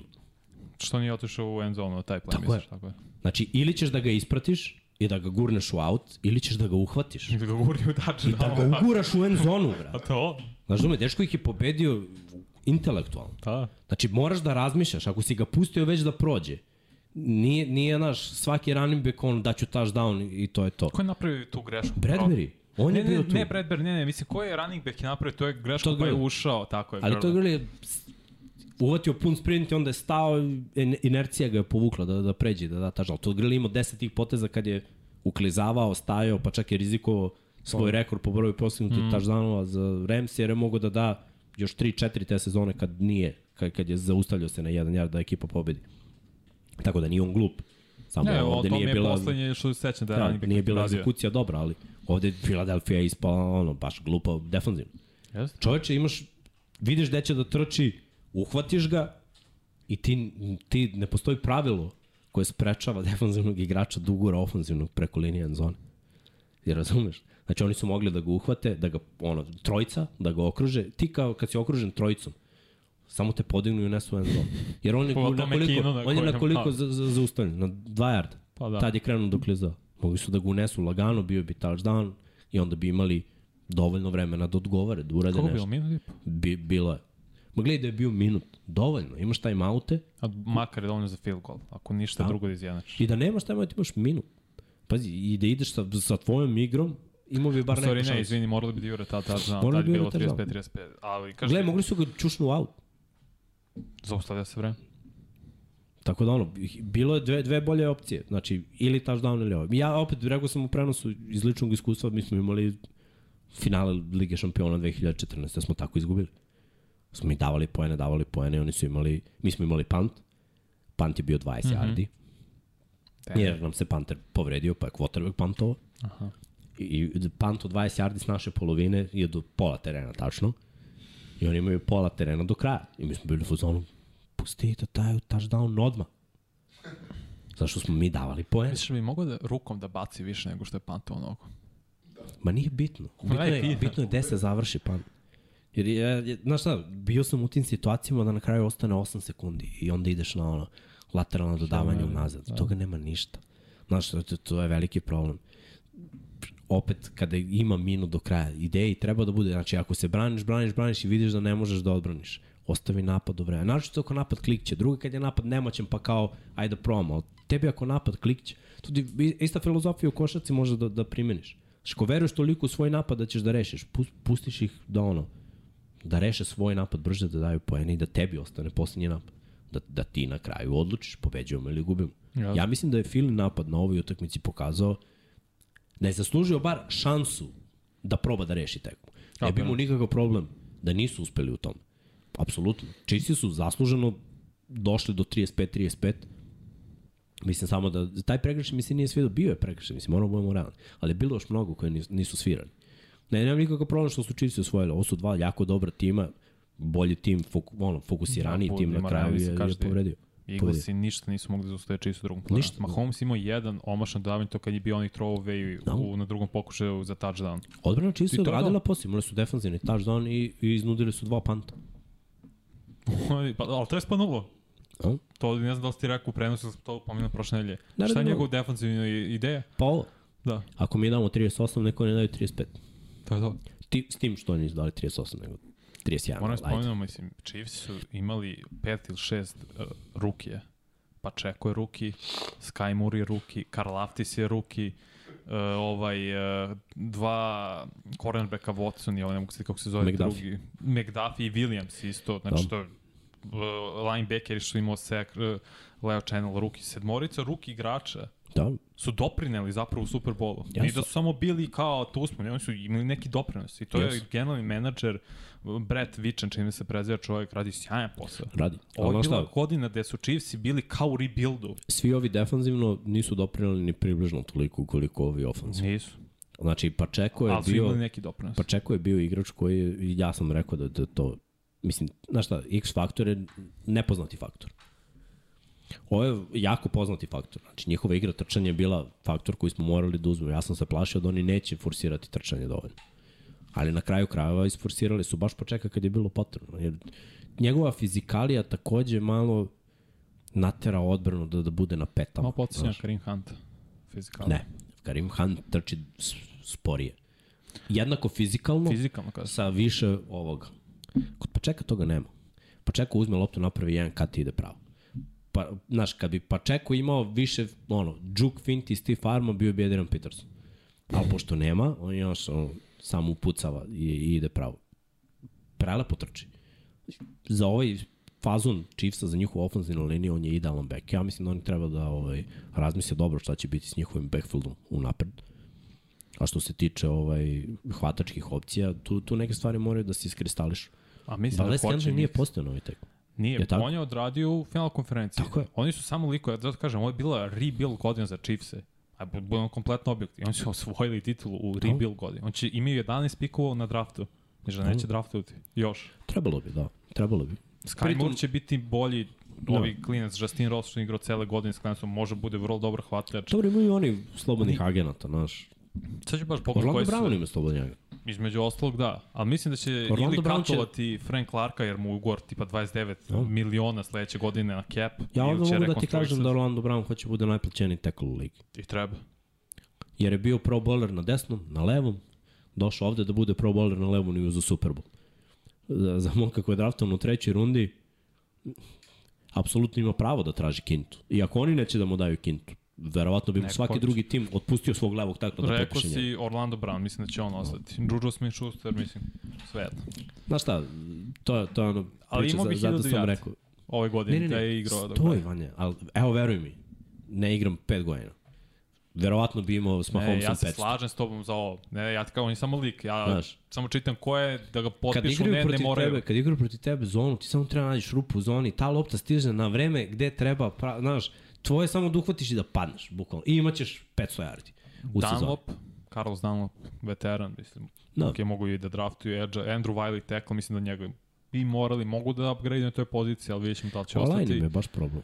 Henny, penzija, Ronald Jones, mislim nije ni igrao Burton, je fullback i on ima. McKinnon je slobodan agent, vidjet ćemo da će.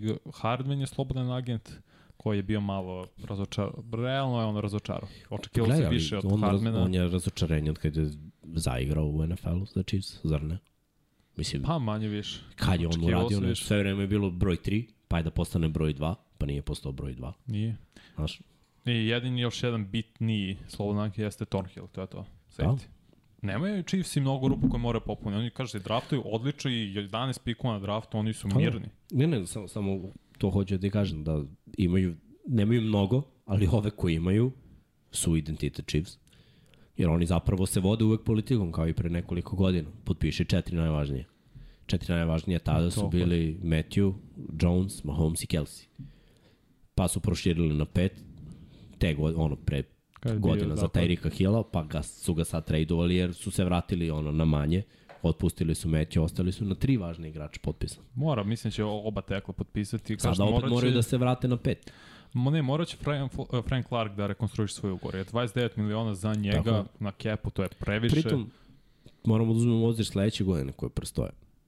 Jer oni tu imaju neke uh, Bolton, mora razmišljaš. Sad je vreme da kreneš da razmišljaš. Znači dve godine, dečko dominira da otaš znam u Superbolu, realno jedan ulazi od najboljih, godinu. tako. jedan od najboljih, on je draftovan na samom početku, ne, on je prva runda, na kraju prve runde. Ili Nije druga, prva druga runda. runda, on je druga Druga. runda. Ali opet, znaš, druga runda, sledeće godine je treća, Tako je. Willie I Gay isto. to je to, mora ga potpišeš. Opet uh, Edward Hiller. Ako, ako je Mislim da vreme... neće potpisati. Znam, ali sad mora da razmišljaš o tome. Jer ni, nije pametno da čekaš, jer imaš pa čeka koji, njegov stil igre je ono, povreći se katad. Mekino na vrati, ako hoćeš Edlera da, da otpustiš. I draftuj sada nekog u kasnim rundama da bi odmenio ovog. Sedma runda. Tako je, nije bitno u kojoj rundi, ali mora već sada razmišljaš o dubini na poziciji. Hvatači, ako ćeš da ideš u pravcu Skaja More i Kaderiju Satonija, to je pravac niskih ekskluzivnih hvatača. Gde ti je druga visoka opcija? Da li draftuješ novog tight enda ili tražiš dodatno rešenje za run play i za eventualno ono da Kelsey ne rikne u ove prestojeće dve godine koji čekaju. Jer pazi, Chi- Chiefs su sada ekipa koliko, znači od uh, poslednjih pet Superbolova oni su bili u tri. Tri, tako je. Ali su oni Osvojili menjali su- igrače osvoj- jesu, konstantno. ne, ne, sve to Ubacivali su stoji. mlade. Jesu, ali sad su svi ovi koji su nosioci igre stariji. Istina. Znaš, i, i meni onako najjač u AFC-u što koliko god ove druge ekipe bile dobre, a mnogo su bolje ekipe nego u NFC-u, bolje, ti mora dobiješ Chiefs.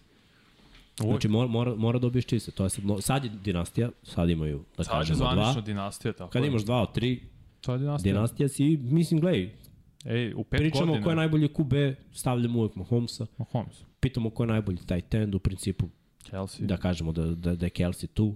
Andy Reid je nakon ove partije u Superbowlu kako je vodio ekipu. Čak i onaj challenge koji nije dobio je ok challenge, treba baciti ono, bilo je sumnjivo. Meni je isto bilo ono sumnjivo vezano za fumble kad je opet vraćen. Ko je uhvatio Miles Sanders, čini mi se. Ne, on je čist, on je čist Na prvi pogled mi je delovalo, ok, imao je, krenuo je, okrenuo se, Ali nisu okrenuo, jer to nije futbolski potez. Znači, on, je, mislim, inercija ga je ponovno da uradi ovo. Ni u jednom trenutku nije napravio mm -hmm. futbolski. U stvari, glupo je da ljudi, misle da treba brojati korak. Ne treba brojati korak. Treba gledati da li je futbolski potez napravljen. ne, to se ne vidi kad gledaš prvi put, Da. uživo. Mislim, to ne možeš da vidiš. Možeš ti da vidiš koji si igrao eventualno Da, da. i sve, ali Pa, opet to, to je stvar koja se dešava bukvalno jednom na tekmi.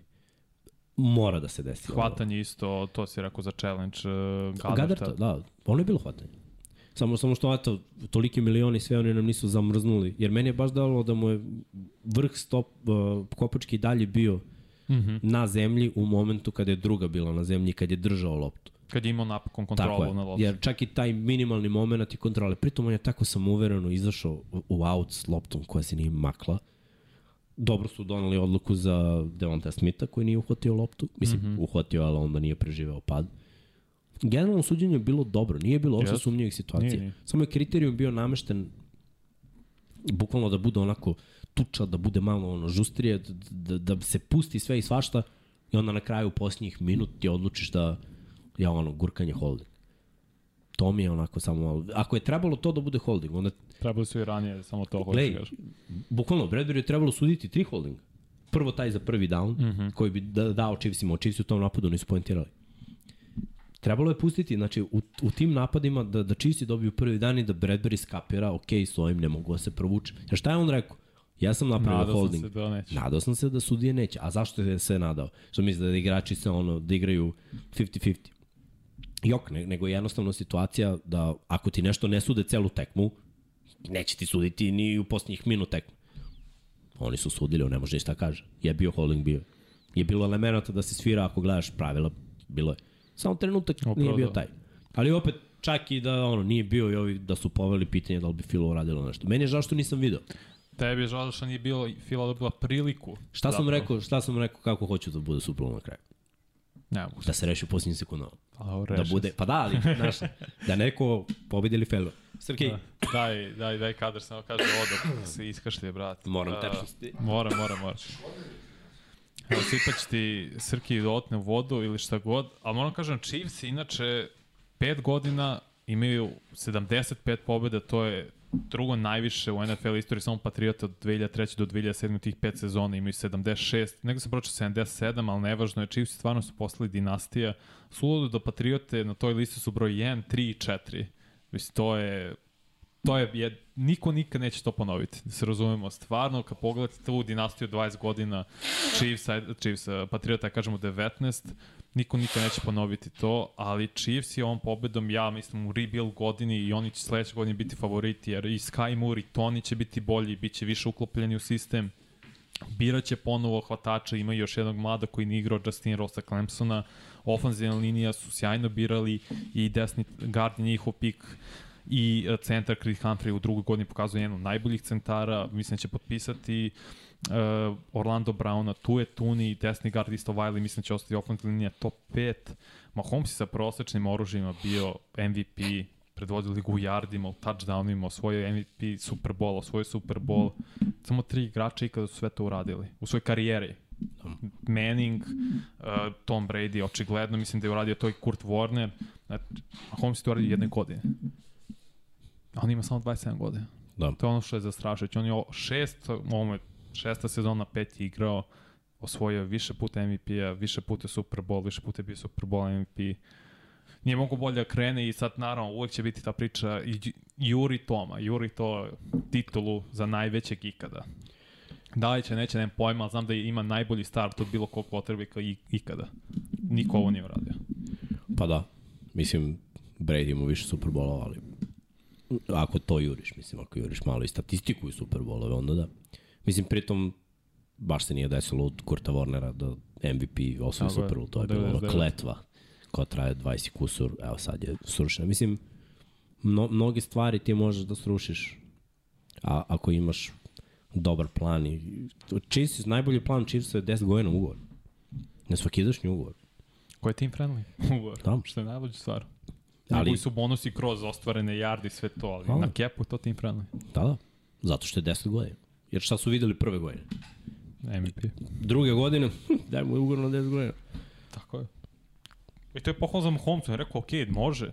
Daj da pravimo tim, daj da pravimo nešto što može da, Pa da. bude neka dinastija. Pa gledaj, nije on glup. Video je da ima, video je da ima oko sebe prave ljude. I što se tiče coaching staffa i što se tiče igrača i znao je da je on najbolji put.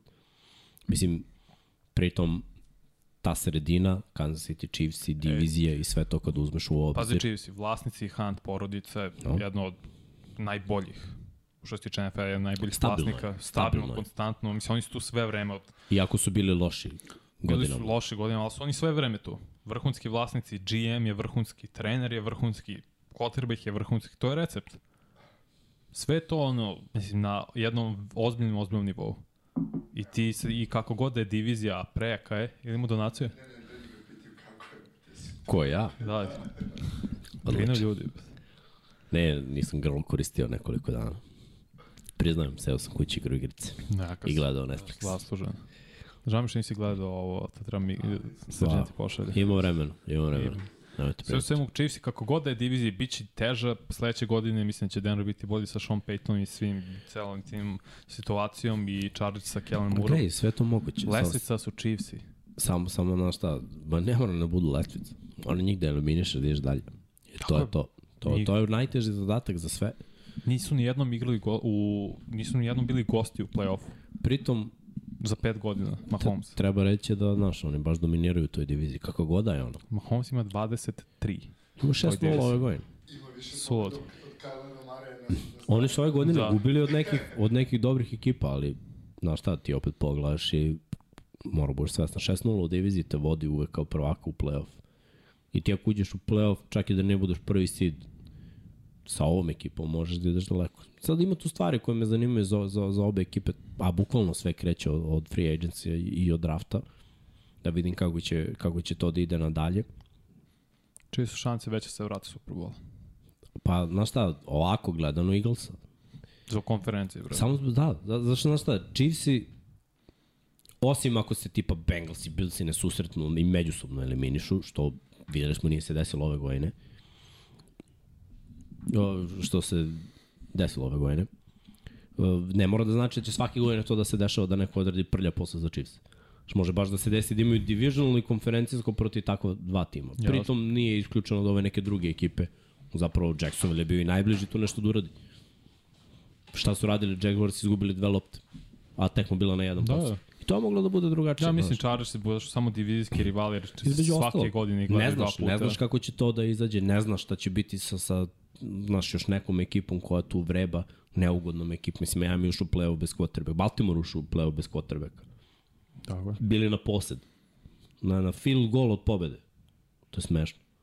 Znači ima dobrih ekipa u AFC-u. U NFC-u je situacija takva da Phil ako zadrži roster, ako se pojačaju, ako nađu prave stručnjake da rade, da nastave ovaj posao koji su radili koordinatori, Fila može da ponovi to bez problema. Moramo da budemo i objekti što tiče NFC isto kako i ko jeste bila. Budi realan. Šta je to kao divizija ove godine je bila najbolja? Sledeće Ne. godine ne mora znači. Ma ne, i, i ove godine što je bila najbolja. Oni su imali slabije protivnike, mislim, Washington, tih 8-8-1, baš ne nema quarterback, kaj to prvo da reše, mislim, Fila, od, i ozbiljno da ih shvati i Pa odluči gledaj, ih. trenutno ni Giantsi nemaju quarterback. Tehnički da. Mi ne znamo Mislim, da li će bude potpisan. Giantsi nemaju hvatače, ajde da se razumemo i to prvo, to mora da reše isto. Ako ostane Daniel Jones. No.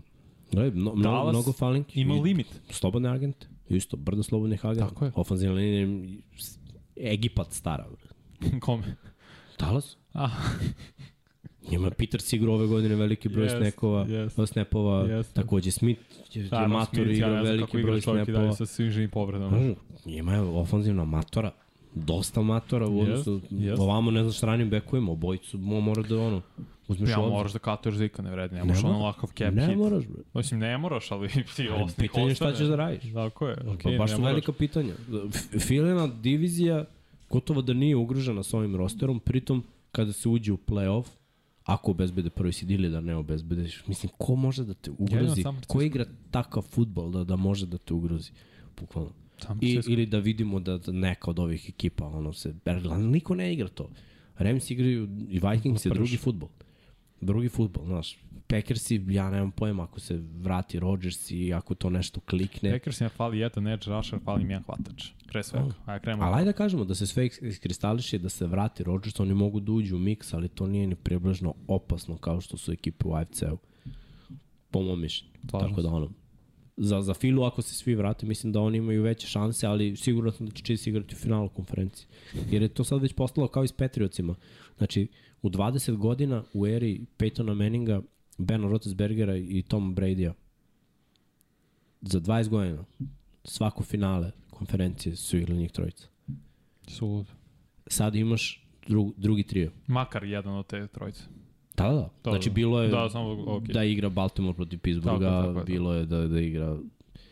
Koje ekipe su još Tu igrali ulazili? su Chargers isto, ono, Da. 2006. Ali su igrali protiv 2007. Bra- Protiv Patriots. Brady, da, da. Da, da, znači jedan od ove trojice uvijek bio u finalu. Da, da, da. E sad će jedan od trojice između Bura, Alena i, Mahomes. i Mahomes. Mahomesa biti sledećih 20, vrlo verovatno. S tim što Mahomes je za sada vezao pet. I, i deluje da, na meni deluje da će vezati i šesto. E sad, I samo neko od ovih Ko može da mu da- skine skalp i Da, da, da. da uđe neka druga ekipa u Super Bowl, što se desilo, eto. Svi ovi timovi drugi i Bengals smo spominjali imaju više slovnih agenata i bitnijih nego Chiefs. Imaju, da. Ali Bills ima ofenzivna linija, ogroman znak pitanja. Više nije ta ofenzivna linija kao što je Da. bilo pre dve, tri godine. Dawkins koji je bio pro bowl levi tackle sada nije. Jeste. Daleko od toga. A ono šta, kao što su ovi uspeli da naprave rebuild, zato što imaju dobre trenere, dobar stručni štab i jako talentovane, važne igrače, jer skapirao si da, da NFL sada kopira malo u AFC-u naročito QB, mm -hmm. plati njega, prva hvatačka opcija, plati njega, više niko ne plaća prvu trkačku opciju. Rotiraju se tri trkačke Da. opcije. O-line, imaš tu uvek, moraš u, plaćaš. uvek imaš jednog ko, ko moraš tu da platiš, ali gledaš da se pojačavaš svake godine. Ne mora uvek da budu ono premium igrači, ali pojačavaš se svake godine, gradiš, imaš rotacije iza. To je ono, da kažemo, najvažnije. Što se Edge. tiče odbrane, edge rusher, sve tri ekipe, da kažemo, da imaju dobrog edge rushera, defensivni tackle, run stopper, najbolji obarač ekipe, to svi moraju da imaju, i secondary. Corner. Moraš da imaš corner broj Da. koji zatvara. I kad pogledamo ove ekipe, znači, ja meni je da, znači, sledeće godine ćemo gledati ove tri ekipe, verovatno, ono, u, u samom vrhu, jer to je prozor. Ako se ne desi sledeće godine, ili ako za Bengals ili za Billse, da odu u Super Bowl, pa ono, ba, ba, baš sumnjam da, da, da postoji šansa da se ide dalje. Jer će onda ekipa da se rasparči, ti ako pet godina pokušavaš i ne uspevaš, znači do Billsi. Mora Bengals su do nekog malog rebuilda. Prosto mora i mislim, tebi i Jimmy se ne sviđa ovo, ali ja stvarno mislim da je ovo, head coach mora bude ofenzivno orijentisan. Kako god to zvuči, Sean McDermott je uradio super posao Billsa, mislim da je limitiran. Jer čim je Dable otišao, mislim da će sledeće godine to se vidi napad Billsa nije više isti.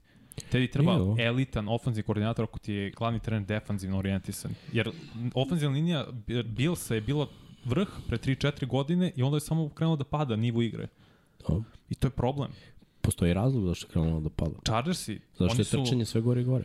I to, Jer, pa pazi, šta pravi razliku između Chiefsa i ovih drugih ekipa? Kad je bilo ono frka ove godine, Chiefs su pronašli trčanje. Zahvaljujući, oni su više pobedili ovu utakmicu zahvaljujući trčanju Slažem nego. Mahomesu. a jer Mahomes ima ispod najbitnije- 200 yardi dodavanja. Na, najbitnije downe, najbitnije nametanje ritma, trošenje vremena, uspostavljanje mm. -hmm. dobre drajova imali su zahvaljujući trčanjima. Pogotovo u drugom polovremenu. Pa čak i najbitnije trčanje, dva najbitnija na tekmi imamo Mahomes, scramble kroz sredinu i McKinnon na kraju, to je najbitnije trčanje. Slažem se. da, da, da se uzme prvi down, da se ostane u terenu i da se potroši vreme. Oni su trčanjem dobili ovu tekmu. Billsi ne trče, oni imaju ideju da Allen baca i Allen trči ono kad je spread. Su... I, i s tim, to, to nema veze s McDermott, to ima veze sa koordinatorom koji veruje Zato i kažem, u to njega je op, bezuslovno. nemaš više elitnog ofenzivnog koordinatora. Dable Ali- je otišao. Da, ali znaš šta, i Dable je izbegavao, zato nije ništa nije uradio. Šta je Dable uradio? Uveo je ih u playoff. Ok, trenere godine, uveo Giants u playoff i nikad više ništa neće uraditi od toga. Jer on kad je bio u New Englandu, neko je bio iznad njega da, će, kaže, da mu kaže, ej, ovde trčimo. Mi smo ta ekipa. Pa, nikad nije bio, on nikad nije bio. OC. Nije, ali je bio ono, pomoćnik, ofenzivni, kako oni to zove, nije koordinator, nego uh, offensive control Da, coach. Ko je tvoj quality, zadatak quality control, zar nije? A? Quality, Quality, tako, da, da. da. Brat. Mislim, dobro, verujem da ima posla. A, ima, to, opet. ali... To je u poslednje vreme sve više i više ima toga, quality control, coach i sve. Ali ovo što ste da kažem za Chargers se, loš je bio, prosječan je bio ofenzivni koordinator, defensivni um je glavni trener, ti u drugom poluvremenu imaš jedan najgorih napada, imaš jedan od, od najboljih quarterbackova. To ne, to ne može, to prosto ne ide. Ima problema i sa odbranom, znaš. Isto, evo gledaj kako su Bengals izgubili od, od Chiefs. Mhm. Po mom mišljenju, problem je bio defanzivni. Mahomes je na toj utakmici jako povređen, odigrao dovoljno dobro. Oni ništa nisu odradili dovoljno zapaženo. Bilo je pritisaka, nije bilo dovoljno sekova, puštali su jarde kad nije trebalo da puste. Bills isto, protiv Bengals, ja sam znao da ne mogu da ih zustave, zato što defanzivno popuštaju. Ajde da kažemo, nije bio Von Miller tu, nije im bio tu safety, corner je bio maltene povređen cele prošle godine i ove godine se nije vratio, ali to su problemi s kojima će se susreti svake sezone. Uvek ćeš imati neke povrede, uvek će ti faliti ne, neko od igrača, ali vreme je, za Bills je vreme za, za rebuild, vreme je da se ove matori igrači zamene, vreme je da, da, da obrate pažnju malo više na to i ako ćeš da stigneš do Superbola, mora koristiš trčanje. Ako si video već da, da Singletary nije taj back, forsiri drugog backa. Probi sa Kukom, mislim šta si ga draftovao, on je prilično visoko draftovan sa ne, nekom zamišlju, ja mislim bar da, da ima preko 1000 yardi trčanjem.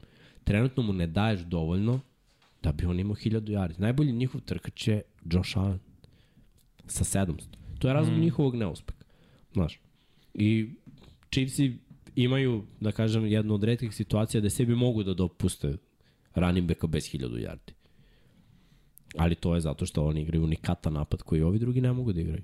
Dobro, pa čekamo na kraju, računić playoff imao preko 1000 yardi Da. sve. Dobro, on je otkrivenje, on je baš otkrivenje ove sezone. Jeste, čisto pustili samo 3 seka u ovom playoffu. Ne, online je br brutalan Chiefs Zatvorio bio u play-off. Nisam očekivao protiv Fila toliko dobro. Pa gledaj, Orlando Browna znam, igrao je ono, gledao sam ga svaku tekmu od početka karijere. Mhm. Čak mogu da kažem i, i na koleđu sa Bakerom je bio No, na vrhunskom nivou na levom tekmu. Jeste. Kombajn i sve, mislim, to me sve onako malo, malo dovelo u pitanje, ok, možda jednostavno dečko nije ono, Na kombajnu Nije u imamo i pala cena, baš nije Da. se ni trudio, kombajn ima br loše da, rezultate. pa bio je slab.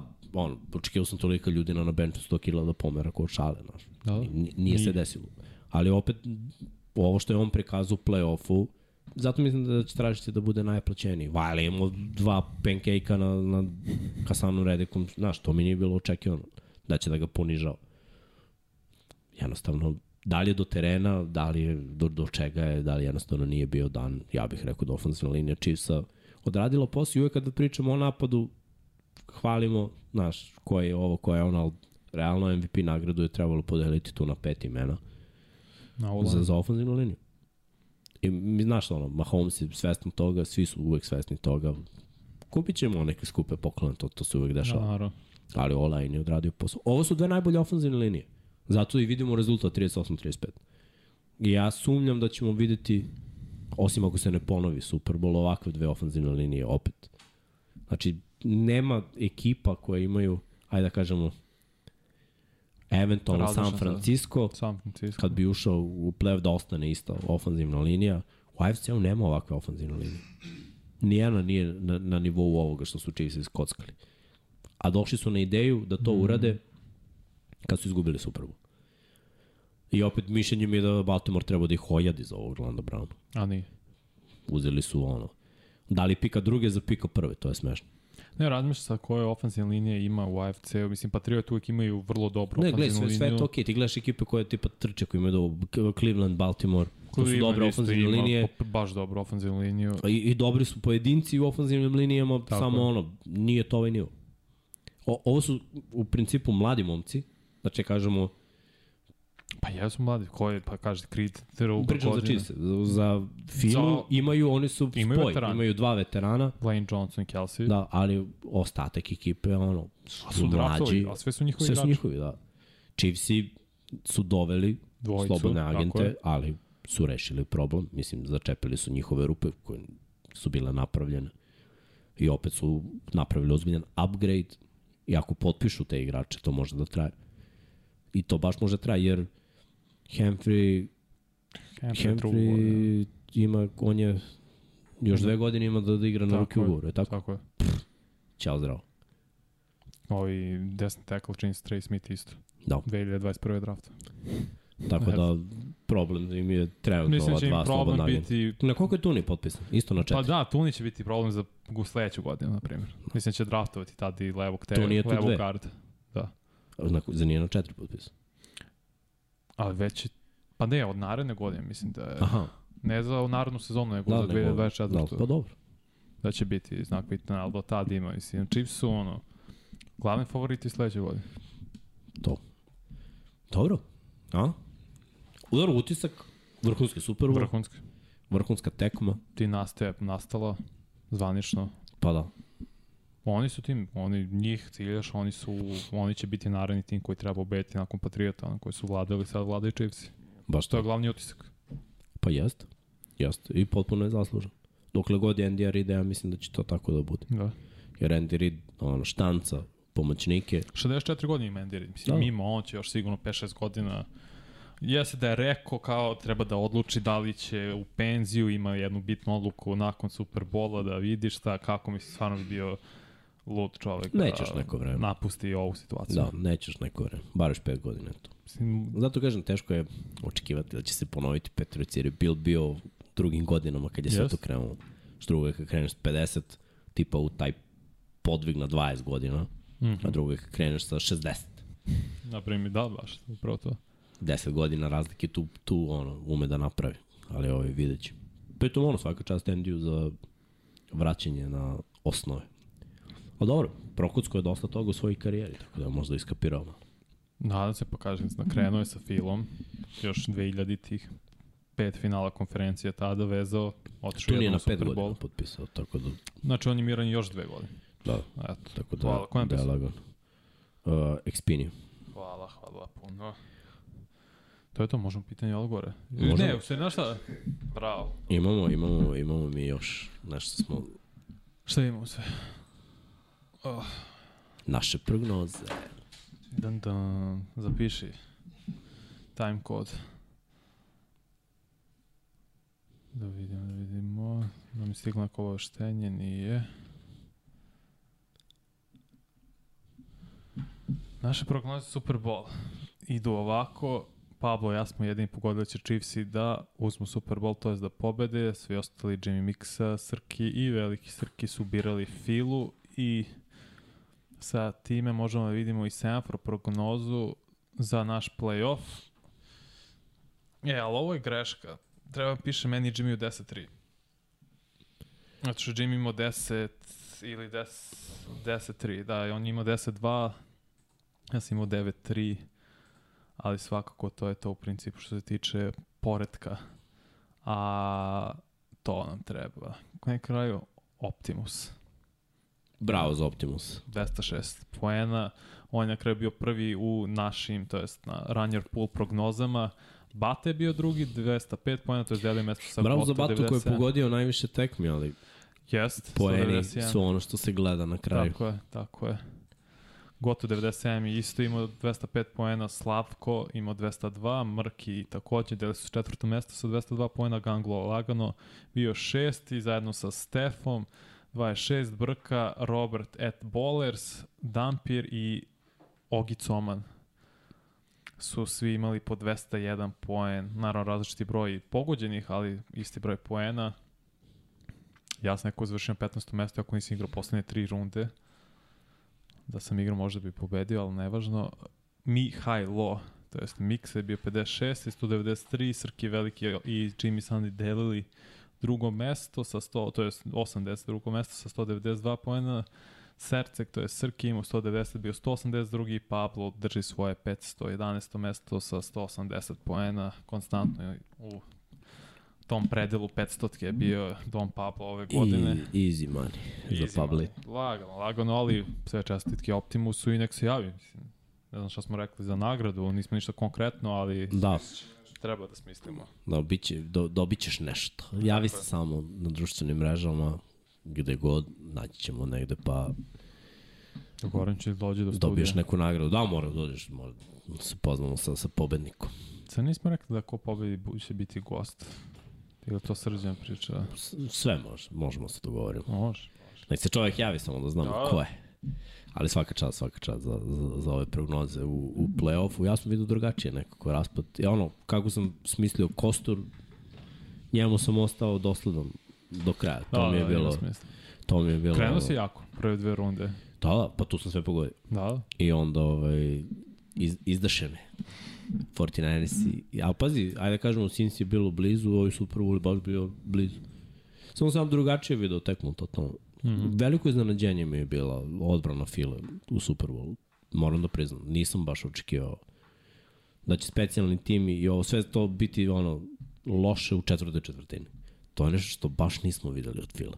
ove godine O, ne. ove godine, da. Odmah on- kaže, nije, samo mi to bunilo, već celo godinu nisu imali adekvatan test. Nisu Da. igrali protiv vrhunskih quarterbackova, koristili su prilike protiv slabijih. Stoji. Mislim, impresivno Ma da gledaj. 78 sekova, da se razumemo. To, da, to je brutalno. A gledaj, čak i da, da, ni, da, da je odbrana odradila posao opet, da, da poklekne i odbrana i specijalni tim. Jer ti da primiš dva touchdowna, da ne, nisi 5 yardi u radiusu ono, to od hvatača i da ti vrati punt 65. To su stvari koje ja nisam vidio to od Fila dve godine. Bukvalno. Oni to nikad nisu sebi dozvolili. I onda mi je bilo baš čudno to da vidimo Super Bowlu, ali na sad.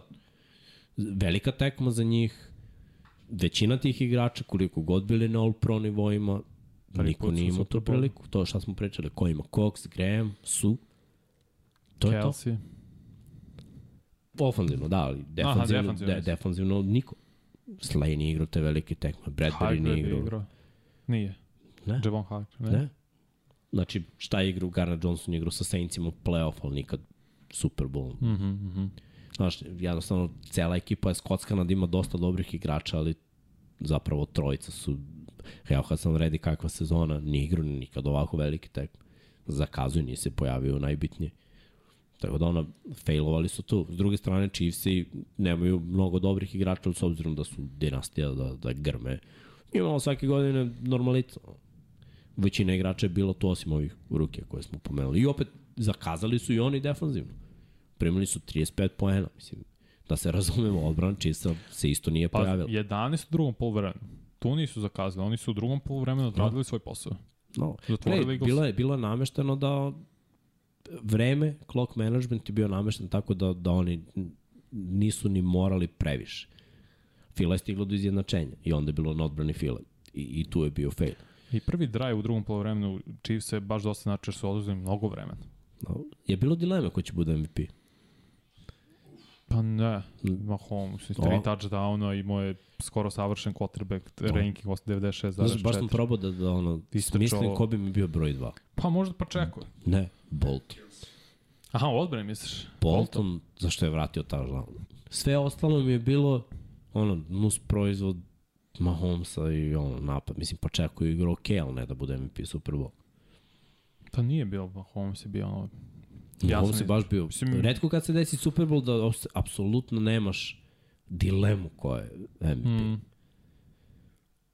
Svake godine ono bar razmisliš, ono naročito tipa ako bude hvatač, ko što je bio Cooper Cup, ko što je bio Edelman u tim sezonama. I se da više Donald je ono tad isto, ono, taj da. prošlogodišnji Super Bowl. Završio je Super Bowl, yes. mogo je da bude MVP. Mogu je. po mišljenju mnogih i trebalo je da bude.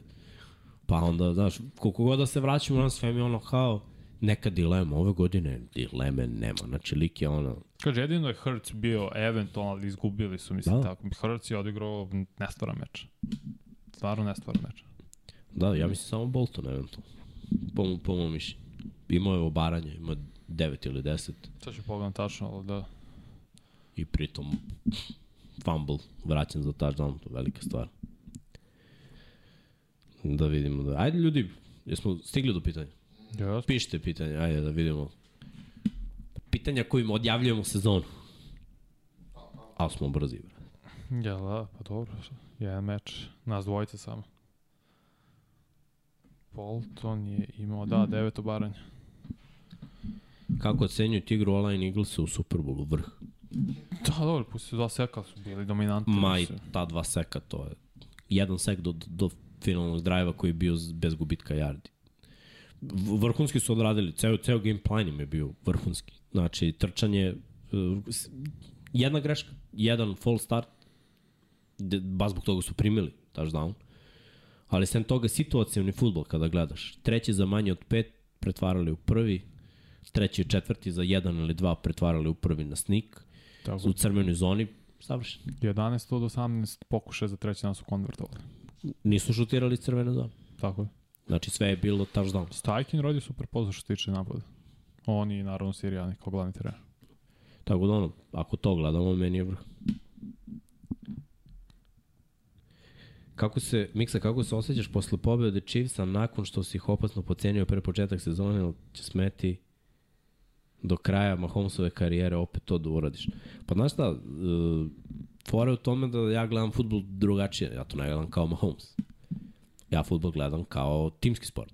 I kad pogledamo timski šta su sve Chiefsi odradili ove sezone, opravdano je bilo sumnje. I Dribble gledaj, super što su me demontovali, jer to pokazuje da i mladi igrači mogu za promenu da urade nešto toga. To nismo videli, ja to nisam vidio 10 godina. Postoji jedan sistem u kom su mladi igrači mogli da menjaju veterane i da se desi čudo. To je bio sistem New England Patriots. Od tada ne postoji. Kada dođu mladi igrači očekuješ odmah da se sve nastavi kao što je bilo. Pa čak i Patriotsi u posljednjim sezonama nisu to uspevali da urade. To su bili Je- Petri, su bili Seahawks isto na početku, ono kad su imali mini Ali svoje... znaš, to, to, se redko kada dešava. Pritom Seahawksi nisu mnogo menjali defanzivno. Da, oni su Chiefsi- uboli svoje mlade... Chiefsi su ove godine, znači, ajde da kažemo, prehodne godine su imali lošu odbranu. I napad je bio dobar. Jeste. Izgubio si najvažnijeg hvatača kog si imao. Znači, opciju broj 2 u svom napadu, koji ti traži 15 targeta po tekmi. I Zamenio si ih 1400 prosekom. Prosekom si ih za- zamenio. Znači, prosek, Juju, prosek, Valdez Scantling, klinac, Kai Moore, dovedeš Tonija na polovini sezone, dođe neki Watson, dečko ispod radara, niko ne zna Justin za njega. Watson, da. Je tako? Running backove Edward Ciller, znaš da nije rešenje, niko nije vidio pa čeka na početku sezone, da mi je neko rekao pa čekaj će imati 1000 yardi do kraja godine, rekao bi ko? Ko je taj? Ko? Pa če, ko? Znaš on, ko? Ne znam. Imali su opet najbolji napad u ligi. Tako je.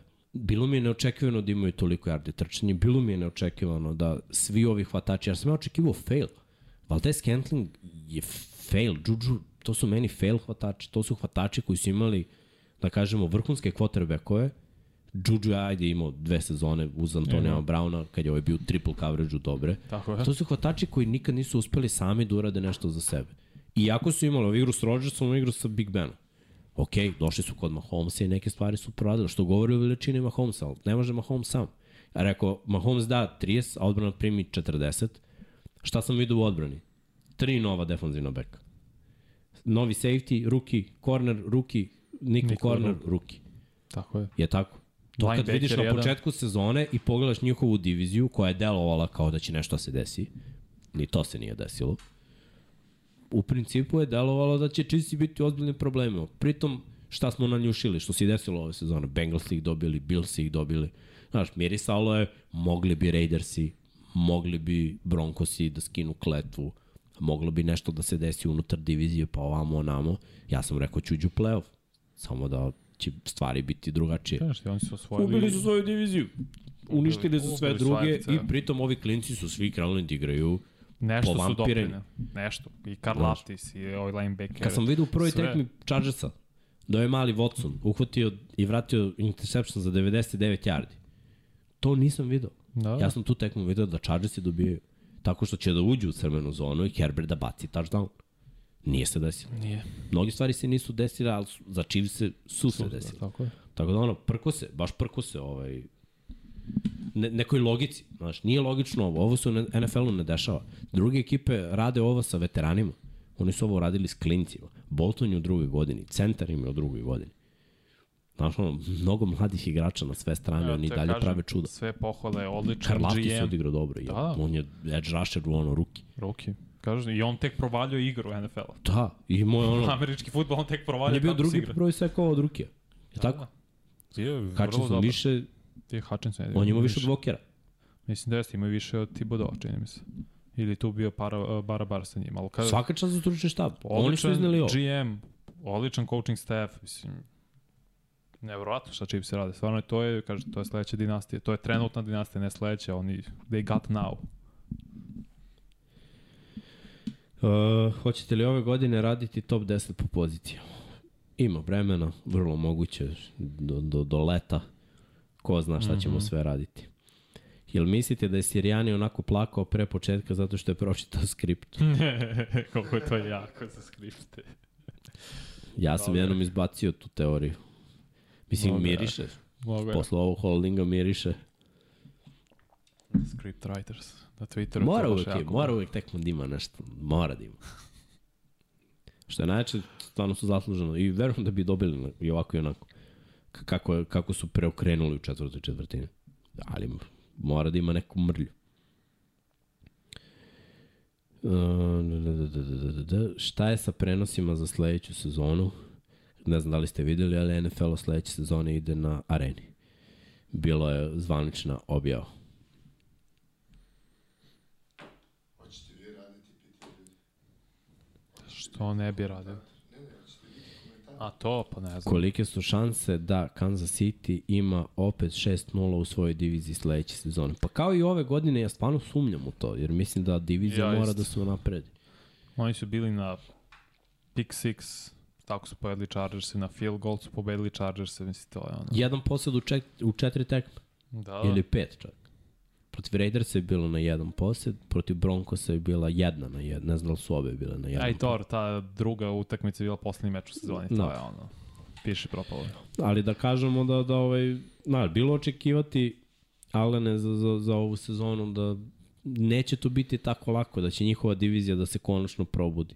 Pa i nije bilo Mislim, lako, mislim. Pohvalno je što su imali i ove godine dve ekipe u play-off iz divizije. Prošle Jeste. godine Raiders i ove godine Chargers i tako da ono. I dalje se održava neki nivo dovoljan za AFC, ali nedovoljan da se oni ugroze. To je, to je naš meni nepojmivo, jer sve ostale divizije ratuju i bore se. Čak i ono, Billsi koji su dominantni u svojoj diviziji gube. Ubili su. Jedina ekipa koja je očistila diviziju ove godine, u čitavom NFL-u, su Chiefs. Tako je. To je meni nepojmivo. Mislim, da krenemo od toga. Je li Minnesota, da, Minnesota izgubila je od Green Bay. To je svako izgubio. Jeste, Bar da. jedan. San Francisco? Minnesota izgubila i od Detroit. Jeste, San Francisco. Cisco je očistio diviziju. Ja mislim, nisam siguran. Pogledat ću sad. Ako nisu, u prva tri kola su gubili. Prv, prva tri, četiri kola. ali Mislim da, da možda Rams, ali ne verujem. Cardinals ih nisu dobili. Ja Nisu mislim. Cardinals. ja mislim da i oni imaju 6 Jeste, Cisco, 6-0. I to mi je nepojmivo. Da nemaš Niko načina da ih dobiješ. 5-1. Sve sledeće Pritom, po ajde, kažemo, ove Ne, izvini, godine- Detroit ima 5-1. Za njih su se ove godine raspali i Rams i Cardinals. I Jesu, pa su im učinili, ali ko se raspao za Denver? Za, za Denver si su bili tu, samo su igrali Samo loše. nisu igrali. Ko se raspao za Chargerse, Greški. Sami su krivi. mogli su da dobiju tek Raidersi, mislim, da ne pričam. Pozdrav ekipi, da li možemo da očekujemo da će komentatorska ekipa i dalje prenositi utakmice bez obzira na promene, koje su šanse ako postoje uopšte, pita Marko. Pa Marko, šanse su jako tanke. Uh, nećeš gledati taj film, jer većina je zaposlena na sport klubu. Tako da, ja koliko sam upoznat sa, sa ovaj, a upoznat sam, O- od toga nema ništa. Postoji šanse da, da bude nekoliko, par pojedinaca, ali to ćemo tek da vidimo. Sledeće sezone KC neće ući u playoff. E, sumnjam. Sumnjam. Jer sad, sad će ti neki igrači imati iskustva. Znači, drugo je, u ruki sezoni ja mogu da očekujem fail u ruki. Ali sad su uzeli Super Bowl, bili u play-offu, igrali velike tekme i sad su starteri.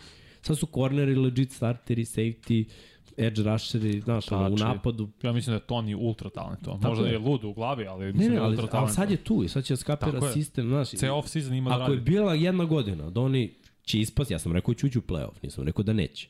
Rekao sam ulazu u play-off i Ako je bila neka naletit će godina na da će nekoga. kiksnuti, to je bilo ovo. Ako je neka godina bila da će kiksnuti, to je bilo. To ovo. se nije e, sad, sad, sad nema kiks. Sad idu dalje.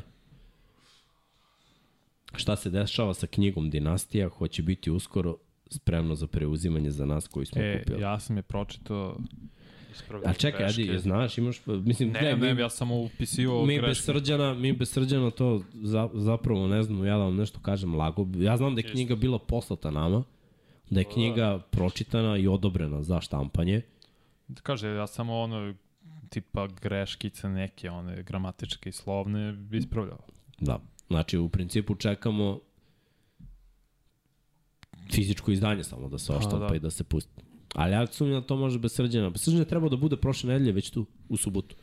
Ali ima upal uva, ne može da leti čovjek. Zabrano I- da leti i do tako je. Tako da do ponedeljka on ne može ni da krene kao vamo. Pa tek kad on dođe, možemo da, da pričamo i da dobijete informaciju iz prve ruke. Jer kako vam kažem, mi smo ovde voditelji. Mi dođemo ovde na gotovo, je sve postavljeno. Grafike urađene, mi sednemo ovde i nešto pričamo, a drugi ljudi tebe- vode biznis. Ste namešteni, ne možeš kažeš. Da, ne, Teo sam da, da mu dam alibi, ali ti Da. sve sad pokvari. Kakav lik. Da vidimo dalje, da vidimo dalje. Dobro, sad se ovde malo polemiše. Šta mislite o Miami za sledeću sezonu? Vidjet ćemo, mislim da im prvo treba quarterback zdrava, da odatak, Pa odatak dobro, sve da, potiče. Miami je bio par pobjeda od ozbiljnog upseta. Naročito u play-off. Da je bio Tua, Možda bi dobili Bills. moguće. Pritom i Billsi su se namestili ove sezone, a mogu da se na, nameštaju dalje. Mm. Do, dobar im je game plan, mislim da mogu više da eksploatišu i oni trčanje. Mislim da im je odbrana failovala u nekoliko navrata, iako imaju dosta talentovanih igrača defanzivno, ali da to može da se zategne sada. Pritom, ovaj, moramo da vidimo raspored. Ja ne znam na pamet još, ali pričat ćemo o tome kako šta izgleda. Baš pogledam sad za Dolphinsa raspored. Gde istok, s kim istok igra, ne možeš gledaš za Dolphins, ali samo da eto da znam dve divizije s kojima ukrštaju, jer divizije s kojima ukrštaju u AFC-u mnogo toga može da kaže gde će oni biti. A ukrštaju sa AFC zapada. Opa. Tu su problemi. Ko je ključan moment ove utakmice? I sa Da li- NFC istokom. Isto. Da. Pš, nije to uopšte najma. Ivan Lukić pita koji je ključni moment ove utakmice, da li je to možda treći za tri dozvoljene blokirani igrač uh, Chiefs. Pa ne, meni je ključni moment ove utakmice punt return. Ha, isto, mora bi isto. Jer nakon postignutog touchdowna protivnički napad pantuje, loš je pant i ti stigneš do prvog za gol. Znači, bukvalno si bio u situaciji da ono back to back dođeš do touchdowna, pritom imaš 70% efikasnosti u Tako crvenoj je. zoni. Uh, kad imaš dobar napad koji tako realizuje posljed u crvenoj zoni, ja se sećam, kod nas uh, nije bilo uopšte dovođenje u pitanje da kiker izađe šutne trojku. Da bocne to. Takav je, da, da, nema toga. Touchdown. Daj, daješ touchdown. Znači, ako si dominantna ofenzivna ekipa, daješ touchdown. I jedni i drugi su razmišljali tako. E sad, Fila imala svoje šanse u finišu prvog polovremena. Chiefs je na kraju tako. Ali taj punt sve promenio. Mm. To, to je meni potez koji je rešio.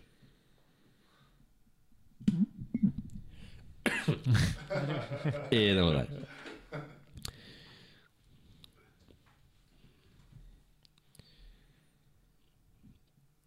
Da vidimo, da vidimo. Da li vidite Rodgersa u Raidersima i jurnjava Superbola kod kuće? Radije ne bih vidio još jednog elitnog i vrlo dobrog quarterbacka u AFC-u, ne samo u AFC zapadu, ako to ikako može da se nakrca još neko, pošto mi delo da će i ovi Houstonci, Houston Texansi i Coltsi draftovati quarterback koji je visoko, stvarno mi ne treba to u životu kao neko ko favorizuje AFC tim. I šta gledam. misliš koliko će igrati još? Rodgers još dve godine. Ako izađe iz braka. Znači, da, mislim da je, niko ne odbija 60 miliona, stvarno, koliko god para da imaš, ne odbija se 60 miliona. Neko je na onom golfu kad su ga pitali da ćeš u Riders, Da, ma dobro, mislim, to sad pitanje. A ja mislim da oni hoće da ga Packersi mole da se vrati. Pa Pa da. Molim te, Aaron. Nemamo opcije. Aaron Jones je rekonstruisao svoj ugovor da bi ostao ili bi bio katovan. Tako da je to isto vest. Ali vidjet ćemo. I pričao je on, Aaron uh, Jones baš je pričao na Undisputedu tokom Super Bowl nedelje koliko njemu znači Rodgers. Da je on zapravo dao njemu priliku, rekao treba mi on na terenu. On pravi razliku, on taj klinac, ne znam ko je, ne, da li je tad isnosio 30, on mi treba na terenu. I učio ga u napadu koje je motion da gleda od, šta odbrana radi, tako mu dosta pomogu u razvijanju njegove igre. Stoji. Kada radite sledeći petak, pravite pauzu. Pa mi, mi pauze pravimo samo kada, Leti, kad ne je. možemo da se skupimo u principu. Jer ono, imamo obaveze. Re, redko kada se desi to, kad se poklope odmor ili tako nešto. Inače, u Pa najgorem, jul obično, ono, po par nedelja Da. tu, da što nema ništa od dešavanja, malte ne. u najgorem slučaju gledate, gledate nas dvojicu. Koja će Tako biti je. tema. Sve. Combine dolazi. Da, smislit ćemo, znaš. Biće i potpisivanja, bit će nečega, uvek ima nečega. i ono od 12 do 4 ujutru. NFL, Da. NFL ne spava. To da. Uh, XFL počinje sad za vikend. Sutra. Znaš da ima 25 igrača, bivših igrača Detroit Lions Gde? u XFL. Stvarno? Da. Zašto Pa, baš što Detroit? nisu dovoljno dobri za NFL, verovatno. Ili su se mnogo dobro pokazali. Mislim da je AJ McCarron jedan od quarterback koji startuje, da je Josh Gordon isto. Biće zanimljivo to. Da li- I U, ovaj USFL, kako se zove, Da. počinje od aprila, tako da uvijek imam futbol. Da li New England može da se vrati na stare staze? Teška priča. Baš teško. Ne verujem, nisam nešto prodat što se tiče Mac Jonesa, iskreno. Mnogo, mnogo je AFC sad težak. Baš, baš. Mislim da, da ima više dobrih ekipa nego što je to bilo. Opa, evo, zabo mi net. Zanimljivo, vidit ćemo što će raditi Chicago Bears sa prvim pikom na draftu i da li će birati quarterbacka, tradeovati Fields. Fields je imao neki intervju ili podcast šta god je da je radio i rekao kao ja bih volao na no- novi stadion da ima krov iznad sebe, ne sviđa mi se da igram na hladno. Brate, prvo, svako ima svoje mišljenje. to je ogromna prednost za Bearsa što igraju na tom hladnom i tom vetru što koji dolazi direktno sa jezera. Pa, I to je ono kao trademark, znak za Bearsa. dobro. U nekoj eri prethodnoj. Znaš šta je problem? Problem je što ne možeš to kažeš A, znaš šta, Mislim, u može, ali današnjoj eri sve može trebalo. da kažeš. Fo- Fora je u tome da njihov napad nije uspešan, da njima više smeta, znaš. što je najluđe. Njihov Mislim da napad bolje više... hvatače nego Giants. Dobro, ali nemaju, Online nemaju je... niti sistem, niti imaju ono trčanje. Kod njih je ono, futbol improvizujem. Tako ne igraju. To je kao ekipa se skupila i igramo futbol. Tako igra Chicago. Zato su neuspešni. To je kri Giants imaju neki sistem. Oni možda nemaju Dable. igrače i to, ali imaju sistem i, znaš, dobar, i- loš igrač u dobrom sistemu je bolji od dobrog igrača u lošem. To se slažem, mislim da Fields isto koliko da je trčanje bio spektakularan, dodavanjem nije napredovao. A nije Onoliko mogao koje da napredu. Znaš. Mada, ja, ja bih rekao da oni daju dobar quarterback, samo ja ne mogu se zakačim na, na Wi-Fi. Opet nismo dobili, nisi mi dao onu šifru koju je svake ovaj? nedelje. A? Šta da ti dam? Ajde, Ajde, čekaj, daj Je to kadar, Infinity? uh, uh, Huawei, Huawei. daj, Daj, kadar. Mixu. Evo ljudi da dobijem Wi-Fi, pa nastavljamo dalje. Tamam, da, vid, da razmislim šta bi mogli još kao temu. Prve 49ersi, osim... di- A, izvini. Kaži. Sve velikim slovima. DMG, Dobro.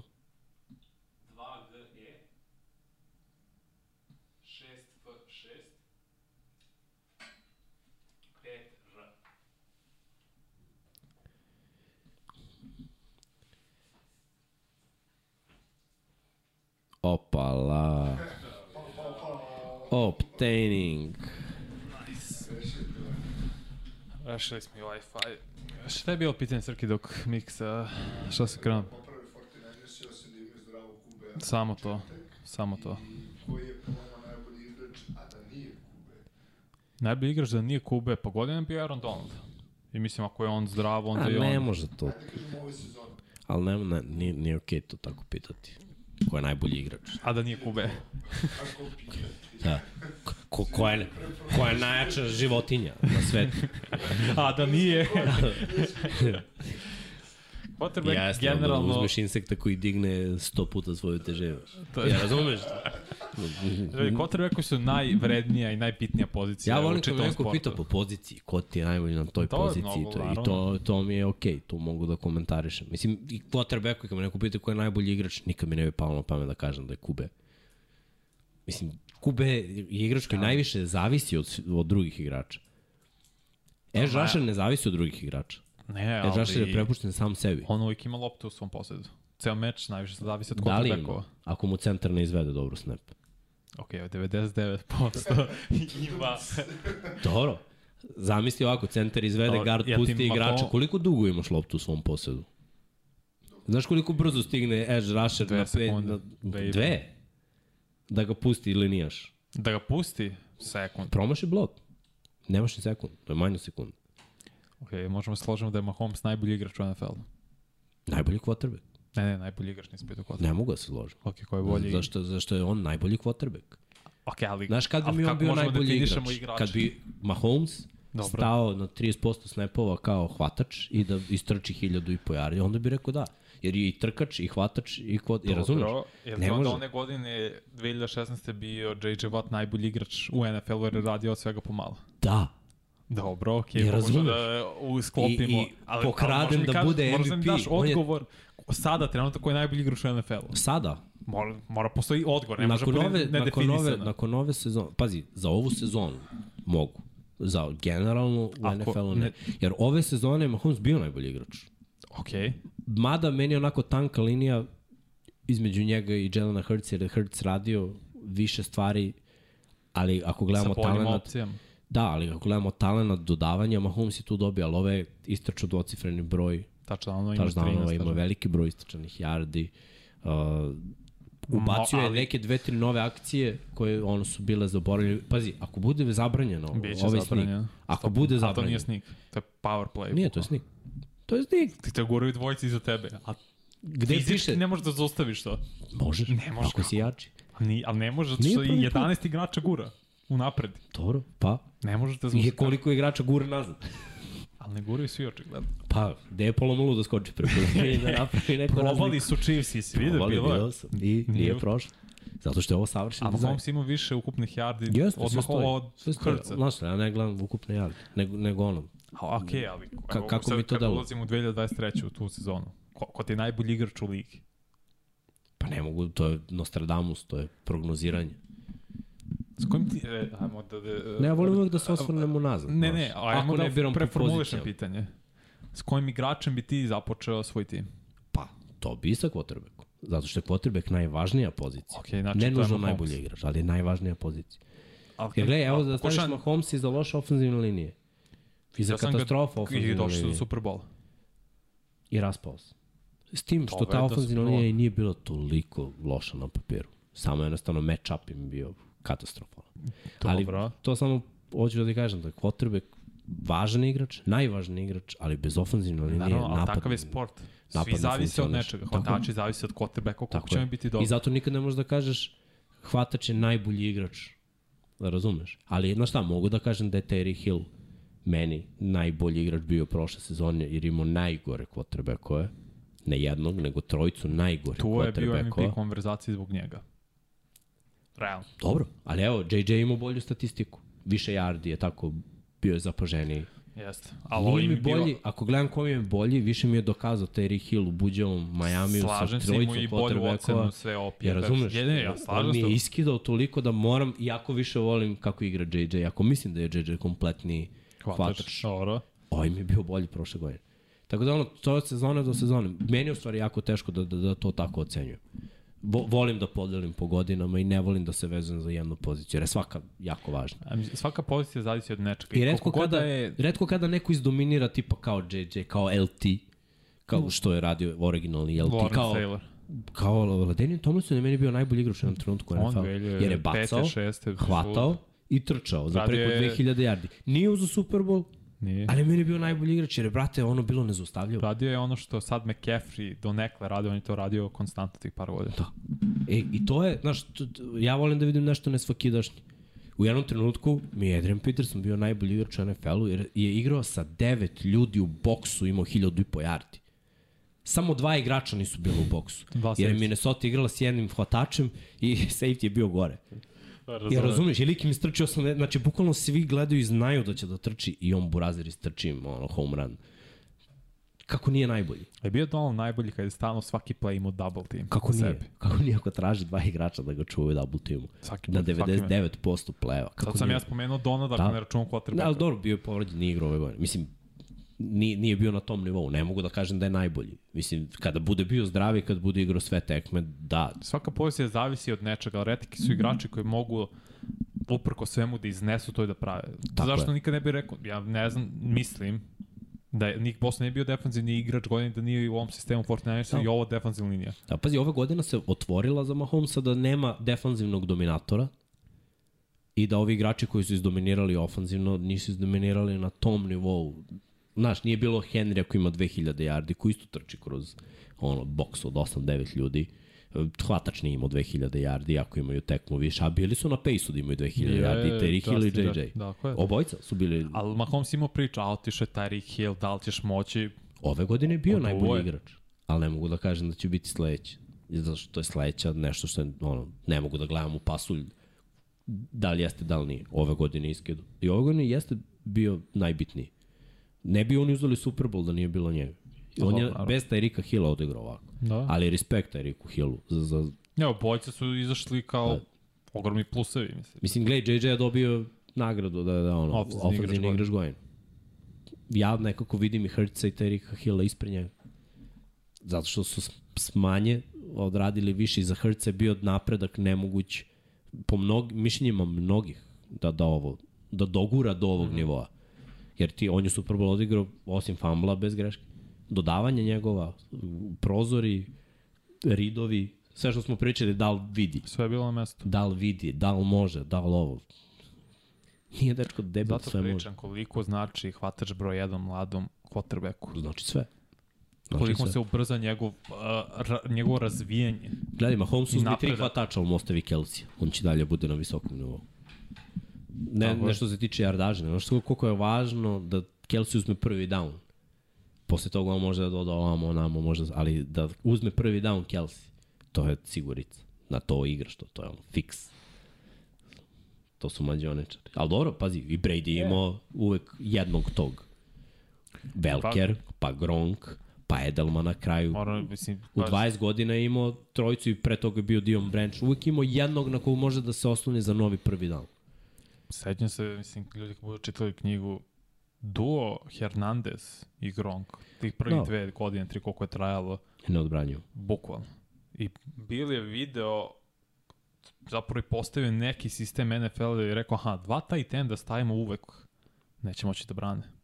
Mislim, on je ubao na draftu i Gronka, jer Gronk je bio povređen na, ne znam da li, mogu se sad da li je bio Arizona State, ali nevažno, igrao je povređen, on je igrao jednu čitavu godinu, nisam znao da će on biti ovo. Hernandez isto Floride, ok, imao je dobre brojke, nije bio ništa wow. No, pa I dobro. uboli gledaj, su. Kada pogledaš pokretljivost za tolike ljude, Sulud. obojci su bili pokretljivi na totalno drugi način. Da, još Što je ubaciš još veći tu- problem za odbranu. Ovo je. obaraš na jedan, ovo obaraš na drugi, ovo je blokira ovako, ovo je blokira onako. Ubacite u Wes Felkera, koji je bio ono, igračina. Tako da, baš je teško, teo sam kažem, BNM je zvanično i imenovan kao ofenzivni koordinator Commandersa. Meni se, mislim, ok, razumem potez, nadam se da će biti onako kao što sam zamislio, da će za godinu dana postati head coach kad Rivera odi ili prosto bude ili ne uspe u Commandersima da to sledi i BNM je zašto je zaslužio. No, vrlo moguće. Mišljenje, vidite li Remse da se vraćamo naredne sezone? Gde? Pa u playoff, verovatno. Pa, samo zašto je lakša konferencija, ne znam Pa, šta je... I opet i to je kratkog daha ako se ne naprave neke Tako je. ono, jake Ofenzivna promene. linija je o- ogroman znak pitanja. Ogroman. Jest. Čitao sam danas isto i da razmišljaju o Remziju. Tako da može će ga da tradovati. Ako ostave ekipu koja je, ono, da kažemo, bila zdrava da počne ovu sezonu, da, oni su ofanzivno jako talentovana ekipa. Pritom, ako neko potpiše Bekama, oni će. Tako da, ako ti pogledaš hvatački korpus sa Cooper Cup. Robinsonom, Kapom, Odelom, dodaš Higbija na taj tendu, Ko je onaj mladi hvatač? Ferguson, ne? pa imaju Van Jefferson. Van Jefferson, on bi trebao isto Ali da znaš bude šta, dobar to, to je hvatač vrhunski 4. hvatački korpus. Da, da, Popraviš ofenzivnu liniju, to je ključ. To je nađeš, stvarno ključ. nađeš running back, to je ključ. Mora trčiš. Akers. Mora trčiš. Ma. Ako je Akers, mora trči, mora dobije nošenje. Mora da bude, jer Ramsey da bi bili uspešni moraju da funkcionišu ono, po principu grlije, jako nisu tako uzeli mm -hmm. Super Bowl, ali treba im i jedno i drugo da imaju. Muče se, oni hoće da rekonstruišu Staffordov ugovor da bi mogli da pojača ofenzivni, on dobro. neće. Mislim, to je sada... Svako ima svoj izbor. Naravno. Ali vidjet ćemo. ovaj, znaš šta, imaju, imaju dobar roster. Ako svi budu Ako zdravi, zdravi. ako se vrate, to, to, je- to može da bude brutalno. Uh, mišljenje o Billsima, dobro, za Bills se baš gledamo u napred, jer ono, Bills su u play-offu. Pa jesu, ali da, ja ne vidim pod Sean McDermottom taj napredak na, na, za sledeći korak, za finale konferencije, za Dobro, Super Bowl. stoji. Ofenzija linija šta? mora se obnovi sada. Sve mora. Ali, bez obzira koliko im fali u ovom trenutku, šta misliš da neće ući u play-off? Mislim da hoće. Nema šanse da ne uđu u play-off. Eto, to je sve što možemo da kažemo ovako. Sam rano. mislim da neće napraviti sledeći korak. Pa, To je ključna stvar. vrlo verovatno. Osim ako se ne da se neki promene. Koji tim će biti najlošiji po vama u, na AFC istoku? Uh. Pa ono, mislim, kako mogu to da kažem kad ne znam ko je quarterback Jets? Ako Jetsi ne, ne potpišu nekog dobrog quarterbacka, oni. Da, ne znam, ne znam. Kako. Miami i New England imaju ono, bar da neko Nešto. rešenje na quarterbacku, ovi nemaju ništa. Potpišu dobro quarterbacka, te tri ekipe se vrte u krug. Jer Bilci će da uzmu ovu diviziju, oni imaju taj prozor, znaju da igraju protiv njih, osvojit će diviziju, ući će u play-off. Eventualno Miami može da osvoji diviziju i da budu ono na pobeda od Bills, ali i Bills i Miami ulaze u play-off, kao i ove godine. Znači za New England je tu neko Mnogo mi teško kažem Patriote, ali neko bez odličnog, vrlo dobrog quarterbacka, što mislim da nije i Mac Jones, mislim da će oni biti poslednji. I to je moguće. To je moguće. Baš Mac Jones mora dosta napreduje pod Bill O'Brienom. Pa i mislim da hoće. Znaš da prošle godine baš bila loša za New England. ono, Ali to smo videli odmah pred sezoni. Nije fair. Znači nije fair uopšte da uperemo, da, da uopšte bilo što pričamo o Meku Jonesu, jer bilo ko da je bio u ovoj situaciji sa ovom dvojicom. Jeste, to si pravo. Ja ne znam ko bi mogao njih To dvojicu da... dam, Ko bi mogao njih dvojicu da izvuče na poziciji kod, znači stvarno bi neko mora Mora da bude... top 5 quarterback da preživiš to.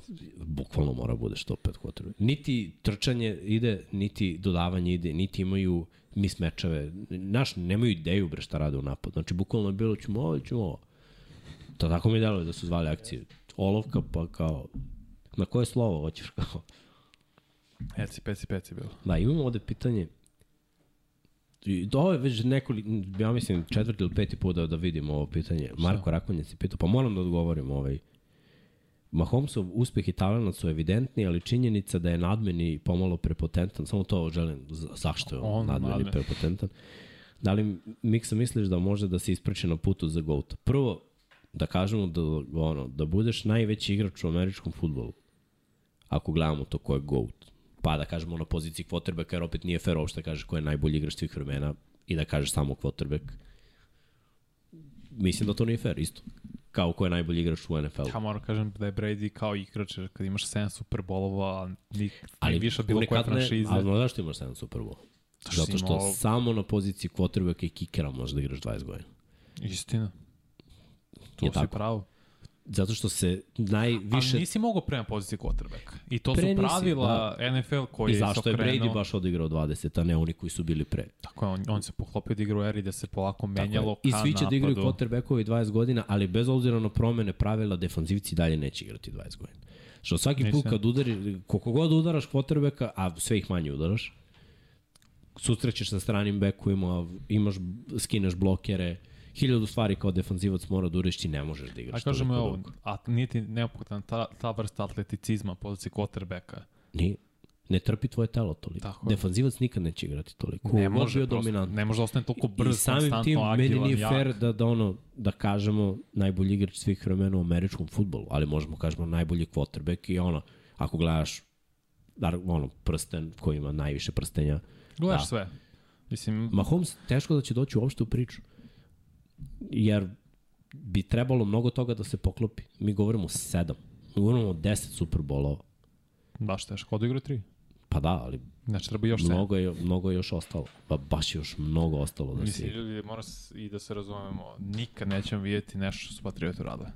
20 godina da osvojiš koliko, Ja baš to 18 ne- ili 19 divizijskih titula, da budeš u play-offu svake godine, sem jedne. To je za- zapravo sem dve godine, 2002. i one 2008. kada je Brady bio povređen. Ovo je neka slična priča kao kad su, ono, mislim, šta je Bill Russell uradio u košarci, svi su bili svesni da ne mogu da dođu do 11. Tako je. Mislim, mi možemo pričamo ono, kome je GOAT, sad uzimaš ovo, ono, dalje ovo i dalje ono. Evo, evo sad imamo situaciju da jedan ima šest i da mnogo misle da je on najbolji igrač svih vremena, da jedan je najbolji strelac i da ima četiri, 4-7. 7? a ovo ima 11. Znači, dva Druga najbolja era. GOAT-a, po mišljenjima mnogih, kad se spoje zajedno, nemaju prstenja koliko ima Bill Russell.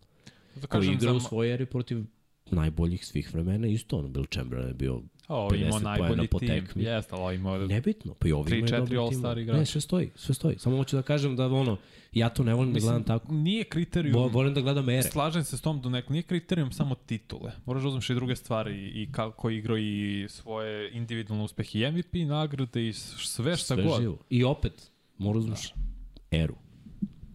Mora uzmeš eru u obzir. Jer opet mi nije fair, ja ne volim ta poređenja. Volim da kaže, ajde da uzmemo ono, na 10 godina, na 20 godina, to je neka era. Mislim, Brady bio u dve ere. U prvoj eri, mnogi quarterbackovi danas bi gledali iz mišje, iz mišje rupe bi gledali one odbrane i, i kako bi ih lomili što je Brady proživio na početku svoje Yes. karijere. Nakon toga ova laganica, znaš, Kad je krenula ova laganica? Od 2015. 16. Pa malo ranije su već krenula ne, neka pravila da se ublažavaju. Neka, da da nemaš bilo- ovo, da nemaš ono. I sve je krenulo polako, polako, polako, već ono, 15. je došlo do toga. Samo ako si kvotrbe koji trči smeju da te lome. Za sve ostalo si zaštićen. Ovo što je stiglo sad u posljednje dve, tri godine sa ovim silnim pravilama, ne sme udarac niže od kolena, Tako. više od vrata, od ramena u stvari. Ne sme vrat, ne sme glava, ne sme ovo, ne smeš da padneš preko njega, uh, ne smeš da ga rotiraš, da ga... Mislim, ti u tehnički danas baš moraš da ih paziš. Znaš, nekada, ja opet kažem, meni je Terry Bradshaw jedna od najvećih legendi, originalni TB12 koji ima četiri osvojena prstena u U eri. 6 godina. Tako Kada ti je neko, ono, obaro ti da ti lomi ruku, znaš, ono, da, da, da, je- da je bilo tih bacanja, sudija svira, ti si izbacio pas, ovaj te zarotira i olupa. I ni, nije ni zastavica. Razumno, to je nepojmivo za ove danas. I onda ćemo mi da kažemo da on nije u priči da bude GOAT. Ko smo mi da sudimo? Da li smo, da li smo prim- primirisali to jeri futbola koji si igrao nekad? Ovi danas bi, ono, napravili protest, ra- razumeš? E, Nije fair, Ono što ali je- mislim da samo ovo moramo da, meni on nije, Nije ni nadmen nadmen. dečko, ne, ne, ne mesto, znaš ko je nad, njegov mlađi brat koji se ponaša tako kako se ponaša, No, ali on drugačije- dečko na mestu. Drugačije se meni Bukvalno. ponašaju nadmeni. Mislim, ti ako imaš te neke, ovaj, ko je nadmen meni? Šta je, šta je nadmeno? Džuđu. Jer si bio, uhvatio si četiri lopte, osvojio si Super Bowl i smatraš da, na, to je nadmenost, to je prepotentnost, to je bezobrazluk. To, jer ti čak nisi iskreno u top 10 najboljih igrača na tom rosteru. Realna priča je da Pa nisi. nisi. Ako uzmemo sve Pa pozicije, nisi u napadu si, već Nisi makar četvorice 10. imaju petoricu su naravno da, znaš ono, Mahomes i da kaže nešto, može da Ima kaže. pravo. Kaže, Jer on je nije pokazao ostvario na- na godina terenu ovo šta je on uradio. Ali pritom njegove izjave, znaš, nizu, opet Kelsey imao bezobraznije izjave. Kelsey. Je tako? Jeste. Izašao je, sprda se, govori šta hoće, više mi je ovo nadmalo. Zašto onda ne bude nadmalo? Ima sedam sezona sa hiljadu yardi. Mislim, ako ti smeta, ne. Zaustavi. zaustavi ga. Tako je. Mislim, to, Znaš, to je ono, ta Bengalsi sportska su bili drskost. nadmeni. Bengalsi su bili nadmeni. Jesu. Što da ne budu? Dobili su ih svaki put. Jesu. Sada su im zapušili ustavi. Su nadmeni i dalje? Nisu. To je to. Nego gde su u miši rupi? Jesu 49 bili nadmeni kad su vezali 11 pobjeda? Oni su I bili nadmeni nakon što, što se izgubili Ne, od nego su Eaglesa. počeli da plaču. Ej, počeli su da plaču, nisu nadmeni, nego buhu, da smo imali ovo, da smo imali ono. Pa niste imali, mislim, to je fudbal. Desilo se, nažalost. To, to je fudbal. Nešto teo, da, ono što ste da kažem, uh, NFL je jedna, ne jedna, on je što se tiče američkih sportova najpametnija liga. Oni se shvate da je ovo show biznis. I oni, znači, to rade perfektno. Em što traje skoro celu godinu, em su pravili, ok, ako prilagodimo pravila da ima što više poena, veća gledanost, više će koštati sve reklame, više koštati TV prenos, više će da se priča o tome. Ende, oni su napravili svoju priču i rade sjajan posao. I ne vole, zato sam rekao, ne vole te automatske stvari. Aha, Da. to je lako da se uzme prvi dan. Pa dobro, okej, okay, sad će malo ovo odbrani da se olakša, nema ovo gurkanje quarterbacka. Mislim, to je smešno pravilo, to Eaglesi sjajno radi i neće više to i Po poraditi. pravilu zapravo postoji da ne smeš da vučeš igrača Eto. napred, ali da guraš sme. Jer gledaj, ti ako... Sada neće možeš i ne guraš. Pa, ali to opet treba ograničiti u pravilniku. Ne smeš da guraš na potrebe skrinu. E, sniku. To je to. Jer, I to, znaš- to, je, to će biti pravilo. Jer Vrlo tipa ti guranje igrača ne možeš da zabraniš. To, je- to NFL poenta. je multimilijarderski biznis koji iz godine godine raste i to je njima Ali najbitnije. znaš šta, koliko god to bilo tako, neke stvari nisu uopšte toliko nepredvidive. Šta više, stvarno deluje nekada štelovanje. I to ozbiljno štelovanje. Što, znaš, počinje da smeta ljudima. Ti ponekad možeš da vidiš da, da, ono, da nešto nije fair. Mhm. To mi se ne sviđa. A sve više ide u tom pravcu. Ne, nekad je bilo manje toga. Nekad je više bilo onako, da kažemo, prave vrednosti, muški, viteški, znaš ono, ko je bolji, ko je jači, ko, ko je inteligentniji. Sada je već ko će više da plače da dobije žutu zastavicu o, o sudija. Većina utakmica se reši na terenu. Ono, zahvaljujući tome ko je bolji, ko je jači, ko je inteligentniji. Ali veliki broj utakmica i ove godine i prethodnih pa da kažemo 10 se rešava na zastavica pravilo, promenjeno pravilo, ovo ono, to je, to je deo koji mi se ne sviđa. Pritom, ako već imaju tolike milijarde, zašto nemamo ono digitalno prikaz? Ako tenis i futbol mogu da imaju digitalni prikaz, da li je linija, da li je ovo, da li je ono, zašto mi gledamo snimak i verujemo očima? Mislim, zašto nemamo digitalizaciju svega toga? Zar nema lopti kao čip koje Zašto ne koristimo to? Jesi vidio jednom ove godine da je iskorišćen? nisam, ali Je ima tako? čip koliko ja znam u lopti koji ono, pomaže sudijama da tačno znaju da li to ne bi ili trebalo nije. uopšte, kao šta da ne bi tekma trajala duže. Druže, dovoljno dugo traje. Ako je gledam 3,5, gledat ću i 3,45. Bukvalno, svi ćemo je gledati, mi volimo ovaj sport. Znači, gledat ćemo ga koliko god da traje, razumem. sport u Americi, to ubedljivo. Pazi, ja razumem reklame i kintu i sve to, ali toliko stvari ima gde može da se unapredi igra, a da Mhm. ne mora da se ono, e sad ćemo da ukinemo ovo, ili ćemo ukinemo ovo. Ajde za početak da te ne, nerazjašenje odluke, ono, koji imaju sudije uvek, nedoumice oko pravila ili moment slobodnog sudijskog uverenja koji je jedna nepoznata konstanta. Što ti praviš jednačinu sa, sa nepoznatom. Kako ćeš, kako ćeš ti da... Ti ne možeš da utičeš na sudijsko mišljenje, na tu odluku koju on donese. Ali kad bi imali ovo, ja to jedva čekam da vidim u NFL-u. Razumeš, da ne bude ono, videli smo na snimku i ima dovoljno dokaza, nema. Brate, daj digi, digitalno povuci liniju, razumeš? I to je to. Za, ne misliš da bi bilo bolje? Bilo bi, Videli bi sve, videli bi tačno koja linija ovde, da li ima ovo, da li ima ono. Hiljadu nekih stvari bi, bi moglo da se reši bolje. Ajde, postojeće neke stvari koje nikad nećeš moći kao holding. To, to je slobodno Ne, sudijsko to uverenje. Ali postoji hiljadu stvari koje ne mora da budu. Pritom ono prošle godine sa pištoljkom i akcija koja važi. O, da, to, je, to to je smešno. To je stvarno smešno. To, to sam prvi put video u NFL-u. A to je situacija iz seoskog futbola. Znaš, ono ima na... Ja kad sam imao Facebook pre 10 godina, postojala stranica seoski futbol. Ma ne. Gde su kačilo, Dragane! I, I tako to. E, ovo je situacija bukvalno sa, sa terena američkog futbola u regionu. Dobro, ide akcija, sudija svira kraj akcije, touchdown, može touchdown. Užas. Da vidimo dalje, da vidimo dalje. Da li, šta mislite, ali ćemo videti opet u skorijoj budućnosti te triple coverage na jednom hvataču kao što su bili Megatron i AB, možda Jefferson ili Chase? Pa ne ver. Megatron je pali. Ja ne znam kad je bio triple co- coverage na AB-a. Po, čuva ga corner odmah na bumpu od linije skrimidža, uh Mhm. -huh. preuzima linebackera, safety čuva preko. Bolesno. A znaš koje Ali ne, na Megatronu su bila dva na liniji skrimidža. Da, te I slike se Nikad, nikad. AB nije bio, znaš šta, Pittsburgh nije igrao tako.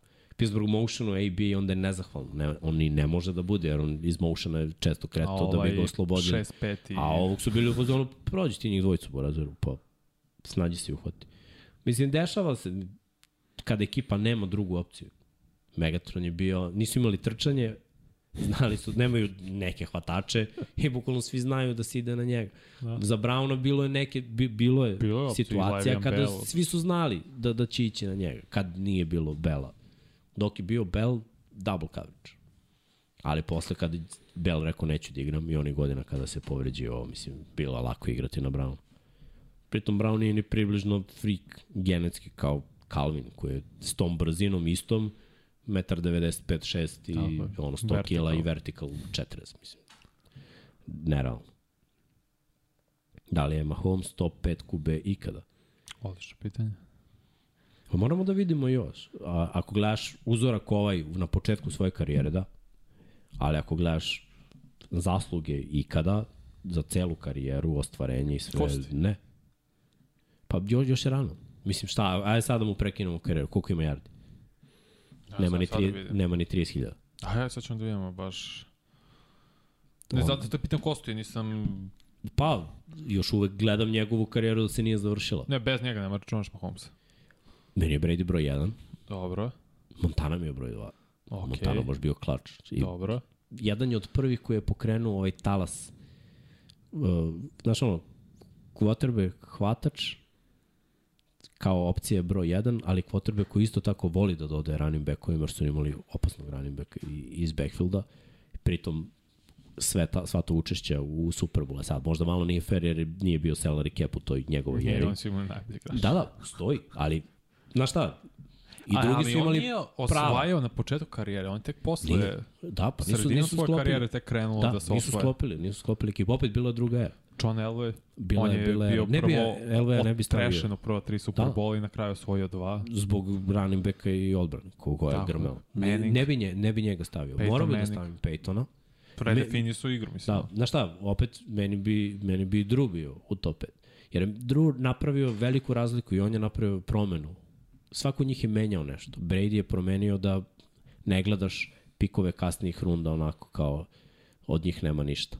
Da, da je sve moguće ako je Droj za visinu. A, ako, Drew je za visinu promenio.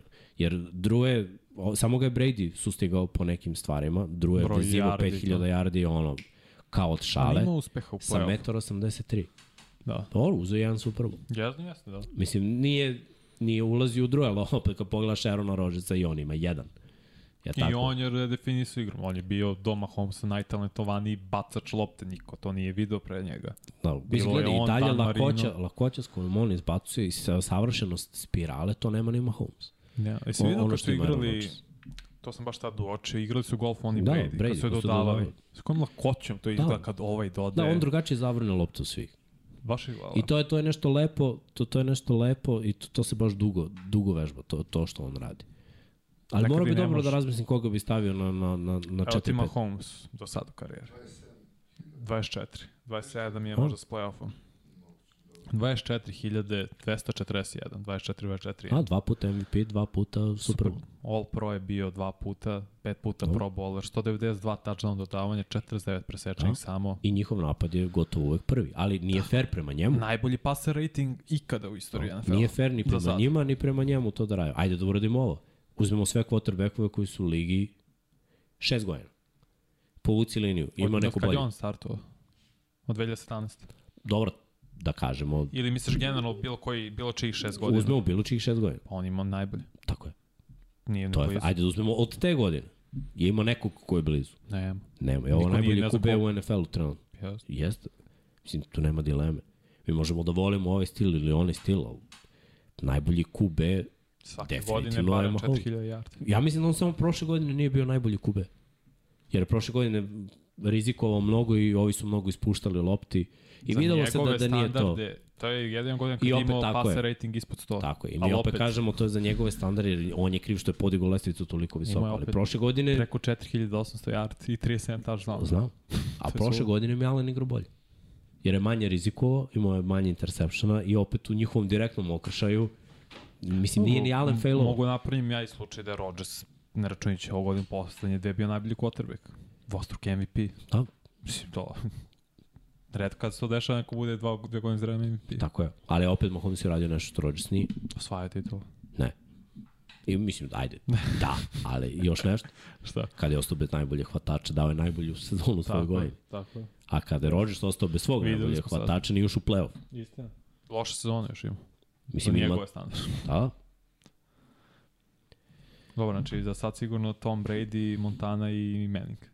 pa da, Imaš top tri. znaš, zato, zato, zato što je Manning coach, ovo šta je on promenio? On, je coach na, terenu. Njegovi au- audible Tako je. je nešto što nisi baš često mogao da vidiš. E sad, ta era Peytona Manninga. Zašto mora da mi bude? To je izumrla era, više neće biti taj quarterback. On nije atlet, on je nepokretan yes. dvometraš koji ne baca čak ni lepu spiralu, nego uh, baca, te razbija. tako je, i baca na pamet u prostor na konto toga što je pročitao odbranu. I ni, zbog toga i nije imao toliko uspeha jer su uvek bili neki intelektualci i vrhunski atlete u odbranama koji su se ga rešavali u finišu. A i treneri, mislim. Pritom je naletao na, na Brady-a najviše. Ali ajde da kažemo da je bio četiri puta u Superbowlu u svojoj karijeri i da je osvojio dva. Tako je. I, i to je ono, opet njegove statistike i sve on je što je on obarao uradio. rekorde, tebi si, si žive koje je Brady prvi na, ono, postavio, pa onda ovaj obarao. I opet, znaš, osvojio s kolcima, otišao u Denver, uzeo Denver. Dve. Brady isto uspao da, da, da, odradi, to, da odradi to čudo. Montana je bio blizu. On je zaista igrao dobro za Chiefse kada je prešao. Jeste igrao, nisu 49ers. Chiefsi dolazili. Ne znam da su igrali, čak mislim nisu igrali finale konferencije tada sa njim. Mislim da su dolazili do divisional. Ja mislim da su stigli do, do finala konferencije. Pogledat ću sad na brzinu. I, i, ili da su stigli do divisional. Do Ali divisional igrao je, sam igrao je siguran da su stigli, sigurno. To, Kad je prve da sezone jesu. prešao, igrao je opasnu sezonu tada za njih. Ćemo da vidimo. Tada je i Markus Allen prešao da igra za Chiefs. Markus Allen koji je ubica. running back, fullback Raiders koji je bio oteran od strane Kako to Ala- Ala Davis. Davis, da. Mm, Da vidimo, da vidimo, da vidimo. Evo, kažu, bijenim iz zvanično u Washingtonu. Pa to, smo, to sam rekao pre 20 Je minuta. bilo, a? Da, da. To je kad sam umirao. E, kad je prešao u Ne mogu se setiti. 93. Lago bi ti kad bi ti rekao godine. 93. su igrali finale, finale prva konferencije, godina ali njegova- ne mogu setim da li je to bila prva ili bila 94. To moram da vidim. Nisam siguran. Ne, prvo. U prvoj su igrali. Ne, ne znam da li je prešao 93. ili prešao 94. To mi je Ja mislim da je 93. Zato što u prvoj godini imamo najviše uspeha, a on posle toga je krenuo pad i to je bilo to. To se sećam iz Football Life-a, zapravo Marku Salena. E, ali nije... Dave, bio je Montana, ali Dave Krieg imao više pokušaja. 16 od 29, Montana imao 9 od 23. Dobro, Sad ne znam, mislim, ko zna, možda je Benchon bio na polovreme, možda je povređen. Jim Možda, se, možda se i povredio.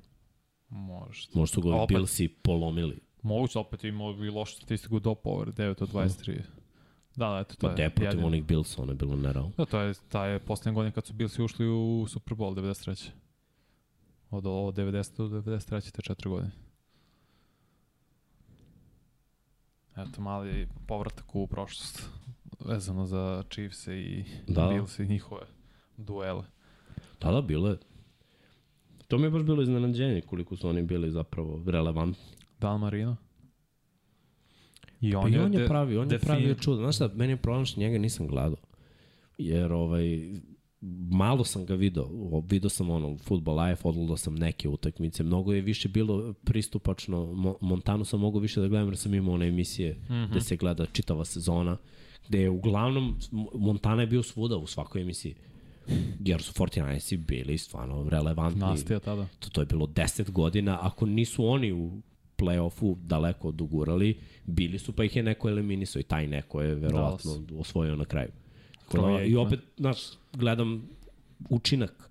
Njegov učinak je bio kad je kad sam gledao Brady na početku karijere, kad je uzao Brady 2, ko što sad Mahomes ima 2, svi smo bili u fazonu, hm, kad je uzao Brady 3, bilo je priča da li je Brady najbolji svih vremena ili je Peyton Manning, ali Peyton Manning nije uzao ni jedan, a Montana ima četiri. Tako je. Mislim, ljudi govorimo u početku Bradshaw 2000. imao četiri. Tako je. I onda su godine, godine prošle, razumeš, Mislim- trebalo je prestići Montanu i Bradshaw. Kad su Patriotsi imali ozbiljan post od 2004. do, kad, do koje godine to bilo? Do kad su ponovo svoje? 2014. ili 2017? 14. 14. Eto, 10 godina. U stvari, 13. na 14 dobili su Seattle. Da, 10 To im je godina. bio prvi sledeći. Znaš, i to je velika pauza. Između, mislim, igrali su dva Superbola, 2007. i 2011. Da. ali opet, Ajde je bio krc. teško je bilo. Peyton je bio dva puta. Steelersi su bili dva puta i Ravens su bili jedan. To je ono, pet od tih 10, da. Ko je još bio? Pa nije 10, zapravo je ovo je bilo 2004. na 5, ovo je bilo 13. na 14. Tako da je 9. 9, dobro. Ovi su bili dva puta Znači u Superbowlu i još je Denver bio sa Denver Peytonom bio dva 2000, puta. tri, 2012, A dve ne, onda i 12, 13. 2012, 13. Da, i još neko nam fali. Da, evo što setit ćemo se. Nisu bili Jetsi. Pittsburgh je bio tri puta. Yes, Bio je sa Saints. 2005. na 6. Izgubili su dva puta i uzeli protiv Arizona. Izgubili, nije kako su- Izgubili su, uh, dobili, do, dobili su dva puta, izgubili, izgubili su, uh, dobili su Cardinals i dobili su Arizonu Seahawks. i Seahawks izgubili su od, Od Saints. Saints. Tako je. Pričam jedno, mislim treći. Uh, da vidimo, da vidimo, da vidimo.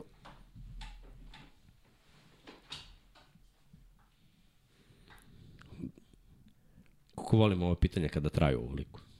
Ovo mi je baš gotivan moment podcasta. Kada ne, znaš, kada završi sezona i kada nema toliko o tekmama i to i da moramo da jurimo, nego ovako malo se posvetimo ovim pričama američkog futbola. Mislim da, da ljudi to gotive. Evo, ovde se sad naravno priča o, tome ko je GOAT, ko je ovo, ko je ono. Nek, treba, treba. Uvijek je to zabavna tema. Bio sam neki mim gde kažu momci mogu se okupe da ne znaju kako se ko zove da pričaju o bivšim sportistima, to traje večno, bukvalno. Gde se provode fenomenalno. Pa da, može Evo istina. lagano. U svakom sportu. Da.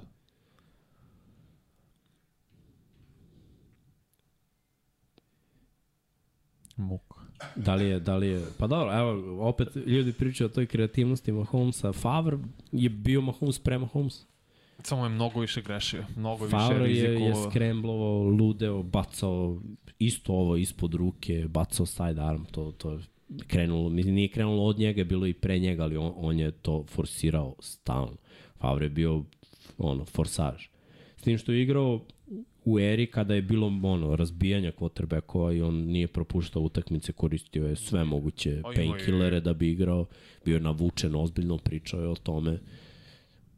Iskreno, o, ako gledamo jedan, jedan aspekt koji moram da uzmemo, to je ono, čvrstoća i, i, i da kažemo način da se prevaziđe fizički bol. Brett Favre mi je broj 1 kroz šta je on prošao da bi igrao u toj eri, on je bio ozbiljno polomljen i bio je tri puta MVP. Uzeo je jedan Super Bowl, mogo je da ih uzme još, Ko je to bilo, 96? Ili 5? tako nešto. Kad je Dala završio s, Da, da, svojim dominacijama. sa svojim. 3. Favre je brutalan kube, samo za, za, za neki ovaj moj Ukus. šta je on uradio, šta je, mislim, ne bi bilo Mahomesa da nije bilo i njega. Ne isto, Ne bi samo... bilo Josh Allena da, da nije njega. To, to, to su ono, Tako i je. on je trčao dosta i ulazio u duele i radio sve i svašta. Meni se nije svidilo samo što je mnogo forsirao i mnogo greši s tim. Da. Baš previše presečene klopte baca. Da. Ne znam da on predvodi ligu ikada u presečenju, nisam siguran, ali mislim Pa da je dobro, dobar. bacao je ko lud. Nije mi nikad bilo jasno kako je Rivers ostao zdrav čitao vreme, to mi je isto fascinantno. Da te ono... River se manje mnogo kretao. Jeste, ali... O, od tipa Big Ben. Gledaj, Big Ben je trčao mnogo na početku Nosio karijere. bre igrača na sebi čovjek. Znači, lju- ljudi zaboravljaju ako nisu gledali. Favre trčao kao lud. Brady Manning nikad nisu trčali toliko. Drew, oni nisu trčali uopšte. Ni, ni, jednostavno nije bio, niti su bili u takvom sistemu, niti su imali uopšte prilike tako da trče. Današnja era quarterbackova će biti posebno po tome što svi trče. I taj Mahomes će biti zapamćen po tome, kao i Favre, po tome što je trčao. I ima ruku kao ovi, može da doda pravila mu idu na ruku, verovatno neće biti izubijan 20 godina, a imaće za sebe i dodavanja i trčanja. E, to je razlika. Ti kad budeš gledao highlightove karijere Patrika Mahomesa, vidjet ćeš ovaj highlight iz ovog Superbola, finala konferencije, vidjet ćeš kako je trčao protiv Tennessee, kako su uzeli Super Bowl, kako se prošetao da da touchdown. To su ono čudesne akcije koje, koje je on pravio.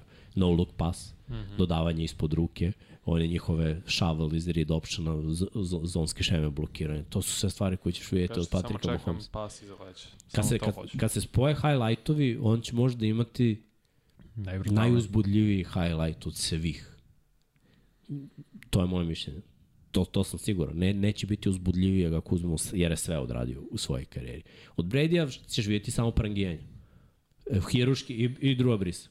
Hiruški precizno dodavanje koji idu pravo na mesto i, i to su highlightovi njihovih karijera. Eventualno quarterback sneak. to. To je to. Drew je preletao preko, to mi išao ispod.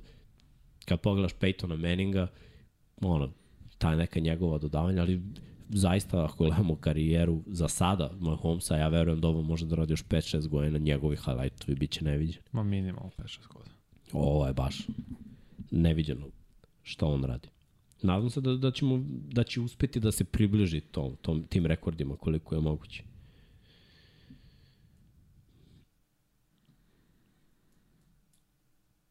Ajmo još par pitanja. Ako ima, naravno.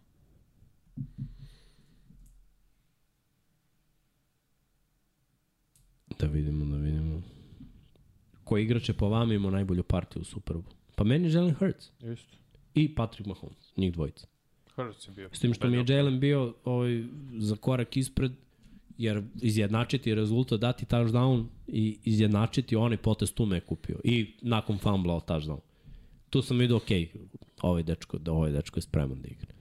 Fumble mu je bila jedina mana. Ako to gledamo, ako neko kaže, ok, ima izgubljeno loptu pa nije bio. Jeste, imao četiri Mahomesova, da, Mahomesova statistika je isto dobra, samo je u odnosu na Hrca bio nešto slabiji, ali kada je bilo najpotrebnije rešio. Dobro, ajde da kažemo da je to to. Ljudi pitaju kada će Luka i Kuzma idu posle, a? Pa idu od jedan. Od jedan. Eto, Da. od jedan. Koliko vidim, Pazi, Jalen Hurts je drugi quarterback u NFL istoriji koji imao tri istračana touchdowna u playoff utakmici od 54. pa da. Od Otto Graham, Pa quarterbacka da, vraća se, Browns. vraća se era, znaš. Neka su kotrbe koji trčali, sad, sad je isto tako. Mislim, moje oborio je rekord Steve McNaira po istračanim jardima u Super Bowlu. I prvi je igrač ikada koji je bacio mal, ma, minimalno, to je istračao minimalno dva touchdowna i bacio još jedan. To su istorijske brojke Jalen Hurts. A, mogo je, mogo je da baci i još. A, ne Ne. mogu da krivim, on nije je od ovo, kako se zove, Devonta, Devonta Smith. Pa, izgubio je orijentaciju prostor, prosto nije znao gde se nalazi u datom momentu. Ne. evi što ne sme se desi hvataču broja. Dobro, za nisu postigli touchdown tada. Jesu ne, nego bi imao dva dodavanja, dva, Dva, aha. Bio bi kao bolje balans. Jer je stvarno bocnuo u pravom trenutku na pravom mestu. Da. Pa da neko ne kaže, znaš, verovatno će biti, aj, stiče tri jer ne zna da baci. Svako dodavanje mu bilo, je brutalno U da ze- u Zenicu Ne oka. mogu da mu zamerem ništa na meču. apsolutno, apsolutno. Aha, kaže, Reci. Uroš, loše sam formulisao pitanje koji igrač po vama je odigrao najbolju partiju u Superbowlu, ne samo za ovaj Superbowl, nego generalno. Vraćamo se na Pa, Da, pa to je, to je jako teško od- odgovoriti. Jer mora milion faktora da se uzme u obzir. mislim, ono šta da kažemo i Brady u partiju protiv Falconsa u drugo da, polovreme. jer jako je teško kad gubiš 25 razlike da se vratiš i da sve klikne, ali opet i to je timski effort. Jeste. Jer i odbrana morala da zaključa da se ne primi ništa. Protiv Legion of Boom u četvr četvrtini koliko ima preko 100 yardi, 155 yardi bačenih. Protiv te odbrane koja je najbolja u ligi tada. Mislim, to Da. je brutalno. On ih je Ali ne, rešio. ne ta tekma, ne, ta tekma ne. Ne, tu kažem, tekmu su jedva dobili. Ovo Jesu. protiv Atlante je bilo šmekerski jer su ušli u produžetak i, i tad su dali ta. Znači svaki drive im je bio Mm. ono, vrhunski, još su, ono, bila su to neka ludačka hvatanja, baš je, izašao je jednom, ono, Football Life, pa sam i tu malo vidio s te strane. 505 yardi, Toma u porazu. Ne, ne, to, je- to, to, to, je, to je bilo brutalno. Ta partija. Terrell Davis Znaš šta, je- iskreno, ali opet moram da gledam kao, kao ekipa, ne bih rekao igrač, ali naj, najdominantnije najdominantniji Super Bowl zapravo Seahawksi. nisu Seahawksi, nego Protiv Ravensi Denvera. protiv Giants. Odbrana Ravens nije primila poen. Giantsi su dali 2000, 2000. 2000. Giantsi su dali touchdown iz kick-off return.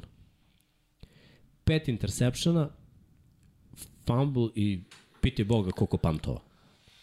Ok, ali to nije bio najbolji napad lige tada. Bio Taj napad najbolji Giants. Napad NFC-a, dali su skoro 40 Sigurno. poena u finalu NFC. A ne, u final ne, pitam za celu sezonu, ne znam, mislim da nisu. ne, nisu bili najbolji A ovi su generalno, bili, ali Denver je bio istorijski najbolji napad ikada. Dobro. I ovi su ih očepili, ojadili. jesu. Ali Ali ovo mi je, 10 ovo, poena. Ovo mi je bilo jače. Jer cela ta sezona, i to je istorijski, Ne, nešto što se neće vidjeti. jeste. Da To daš je- 160, da dozvoliš 160 poena za sezonu, ali da ne primiš poen. Su, Seahawksi su primili poen. primili su 10. Ne, ali opet, primiš, ali opet, to je kontekst. Ovo je, ja ti zato Oh. kažem, ovo je najbolji napad ikada i dali su ti 10 pojene i ti si ih Oh. propastio, Druga jadio era. si ih. Druga era. Nije bilo takvih napada u ono vreme. Nije jedan nije bio jedan, Rams. Približno, taj- taj- približno tome, to, je vrsta. Taj se ugasio. Njih su rešili. Ko? ja mislim da su njih rešili. Kako su nisu Giants. mogli... A, Giants, finalu, da, da, da, da. Giants, da, da, da. Jer su dali više. Znači, kao, teoriji su bili bolji. Nad! Nije se desilo. Ali to mi je ono, taj dominantan, ovo ostalo je sve bilo na pose, ne mogu da izvojim jednog igrača, jer Big Ben, Antonio Holmes, ono, dobijaju u Arizonu. Ali O, to je opet James Harrison, ono i pick six, to... Tako je, i to mi je ono vrhunski, znači pun je bio Super Bowl tih vrhunskih play-ova, taj. Ajde da kažemo, pamti taj, pa Eli Manning, ono, dobijanje Helmet catch. prvi, tako je helmet catch, šta se tu sve izdešavalo u tom Super Bowlu. Pa, I ti si dobio sprečio tim koji treba da ima savršen sezon. da, između ostalo. Pa kad pogledamo, ajde da kažemo da, da je ovaj Super Bowl file i i New Englanda isto bio mnogo poena postignuto Mnogo. sve. Ne mogu izvojim jednog igrača, ali mislim jedan je dobio statu. Kada za, za vrhunsku partiju, niko nije očekivao to od njega. Nije, ja sam rekao Brady imao 505 yardi. To je, To je brutalno. To je. To je isto brutalno. Pet puta si teren prebacio. Ovih posljednjih par Super Bowlova da kažemo da nisu bili nešto. Odbrmeno su bili. Mislim, Ovo je bio pohvalim vrhunski Super Bowl. odbranu Patriota u Super Bowl protiv Reds. Tu si uštupao najbolji napad, tri pojenca im Da. da. dozvolio. Prošle godine je Rešio bio si. okej Super Bowl, ali nije bilo nekih poteza. Da nije, a. kao da pamtiš kao wow, istorijski su Da, da. i, ili tako nešto. Ja, jednostavno, ja to nisam potez vidio tako. Donalda, ono što je Pa dobro, rešio meč. Rešio na kraju. Ali nije bilo kao, znaš, wow. Stafford, oj, oj, Stafford. Cooper Cup imao je i par istočnih dobrih ruta. Više pamtim ono protiv Buccaneersa njegovu rutu gde ih je rešio na kraju, na primjer. Pa da, uvijek se pamti nešto drugo. Mm. Znači nije bilo toliko legendarnih da, da ono mogu da izdvojim jednog igrača. Ali kad bi morao bio bi Brady zbog situacije protiv Atlante, minus 25, ono drugo polovreme, ništa ti ne ide, igraš katastrofa bukvalno i dođeš do produžetka i u produžetku imaš drive i rešiš, dobiješ. Znači to je ono, definicija klača. Mm. tu je potvrdio da, da je ono, to je to, najjači ikada i, i čao zdravo. Pritom tu sam promušio prognozu za jedan poen. Za malo pogodim rezultat. Zamisli. Ali ne, ovaj scenarij u životu nisam vidio. Nego su mi da ono ide tekma, daju jedni drugi, pa na kraju Petrioci posled više. A ovo kad je krenula tekma, znači, drugar koji najvezio New England, za on se spakovao da ode kući, jedno smo ga bre zadržali. Za da, da ostane, razumeš. Kao, ej, nije strašno, sve je u redu. Dešava se. To je to, Da. možda se desi. I Ne jeste. veze. Bilo nam drago zbog Hulija. Uh, da. Tako da ono, to, to su otprilike Melvin Gordon. Protiv neko kad je napisao na prošlom podcastu, Melvin Gordon uzeo prsten. Oplakao se. Dobro, jeste. Terrell Davis ima brutalne ono, Jest, da. partije. Da, da, jest. Dobro nije bio MVP. Jeste. Trčao kao lud. Tih par godina iskoristio. Baš to. maksimum. Baš to. Bilo to Kratko je on opasno. karijeru imao, nije on imao dugu karijeru. Pa kad je bio polan. On je bre imao problema, on je to, taj Super Bowl igrao, imao je blackout. Da, Da, da, igrao nije, nije znao da je trči. taj bio potez John Elway kad je uradio helikopter u end zoni? To se pamti. Čovjek sa 38 Jeste, ne, ne. godina daje svoje telo. To je bilo, to je bilo brutalno. To je, mislim, gledaj, i Ramsey, Titansi je bio vrhunski Super Bowl. Rešen na, ono, ovoliko od, Music City da. Dyson nije dao touchdown. Ali je bio vrhunski i e, ekipa je bila vrhunska, ali ne mogu da izdvojim jednog igrača. Da. Da. Jer ono, čitava ekipa Ramsa je bila dobra, ali Titansi su se suprostavili.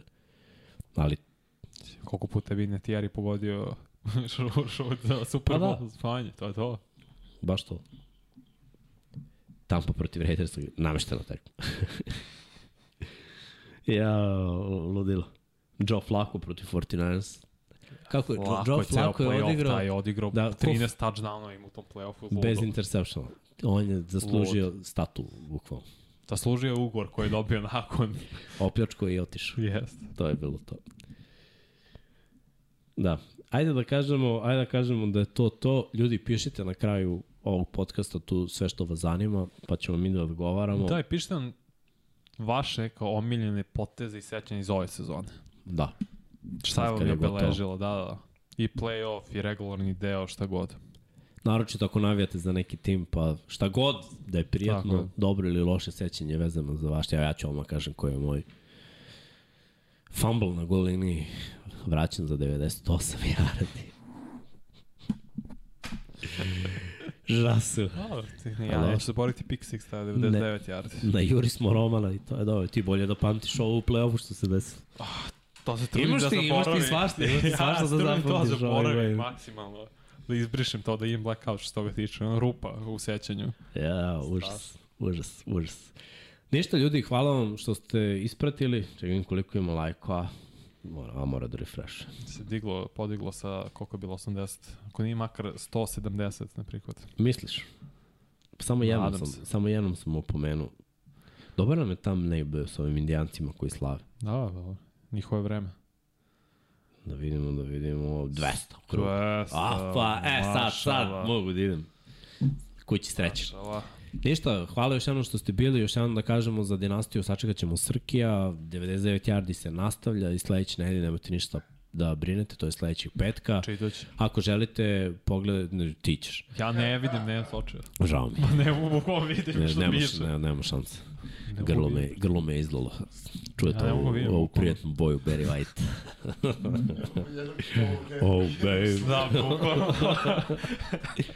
Da. Vidiš šta piše. Tvoj. Evo, daj mi glas, ja ću tebi oči i to je to. e, odlično. Inače, mi smo ovako, bukvalno Chiefs i Raidersi, ili Tampa Raidersi. Tampa Raiders, da. Ništa nameštene da ja dobijem. Tako da ti čitaš. Inače, Au.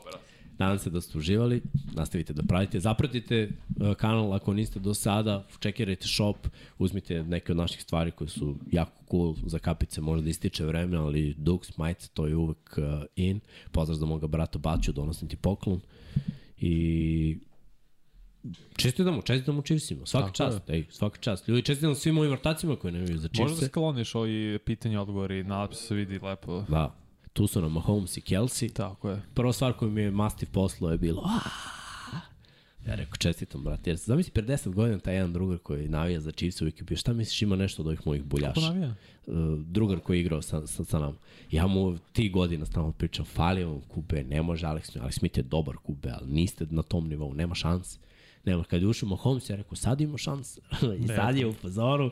Znaš šta, poštujem te koji su navijali, koji su, znaš, kad se neko gleda svoju ekipu koja se muči, ko ti, razumeš, sad? Da, ja. Znači, goriš i sanjaš o tome kad će moja ekipa nekad nešto da 17 uradi. čekamo. Tako da ono, Biće- Buba i Vanja ima šanse, ima šanse. Ja kažem, da. ovo je inače treći Super Bowl za Chiefs. Drugi u eri Mahomes i Riddle, ali prvi su od 69. Daleko. Če- Načekali su se do tog drugog. Da, ba, baš dugo. Ali dobro, up, da Možda kažemo da... Chiefs i Jure da imaju najviše ikada. Fali im tri sada. Da, ne, Chiefs će Polako. napraviti o, ozbiljno. Gledaj, sad su dinastija. To je to. Yes. Sad pričamo o Tako je. dinastiji. Sad nije dinastija samo ovo koju, koja će biti u fizičkom izdanju da je pokupite, ne, nego će biti i ova, i ova dinastija. I bit će zanimljivo vidjeti u kom smeru će sve to uh, da, da, da se razvija. A šta? šta? Če? Pa ide, Ide Patron. Pozdrav veliki za naše prve i najbitnije sponzore, a to su Patron pokrovitelji. Tako je. Banja će probati, Sad ćemo Banja će vidimo. probati da, da pročita. Ja sam se borio prošli put i moram da kažem da Nije lako. nije, nije lako, nije, Nije lako lako, uopšte. nije lako. Nije lako uopšte. Ko Ljudi, veliki pozdrav, budite nam dobri do sledećeg petka. Vuk Korać, Životić Jovan, Danka, Marko Mostarac, Borislav Jovanović, Bojan Bogdanović, uf, klub ovo nego pročitam, Vlada Ivanović, Nikola E, Salim Okanović, Milan Kiće, Aleksandar Julić, Žorž, Armin, Džigi Bao, Ognje Marinković, Igor Kašparević, Zoran Šalamon, Dejan Vujelić, Alen Vuletić, Vladimir Petković, Branko Bisački, Marko Por, Ivan Rečević, Igor Jankovski, Nemanja Labović, Miroslav Cvetić, Matej Sopta, Predrag Pižurica, Marko Blagojević, Veselin Vukićević, Jelena Veljković, Nedim Drljević, Đole Cheesehead, Jasmina Pešić, Igor Vučković, Predrag Simić, Stefan Stanković, Ivan Maja Stanković, Andrija Todorović, E. Prelić, Aleksa Vučaj, Marko Kostić,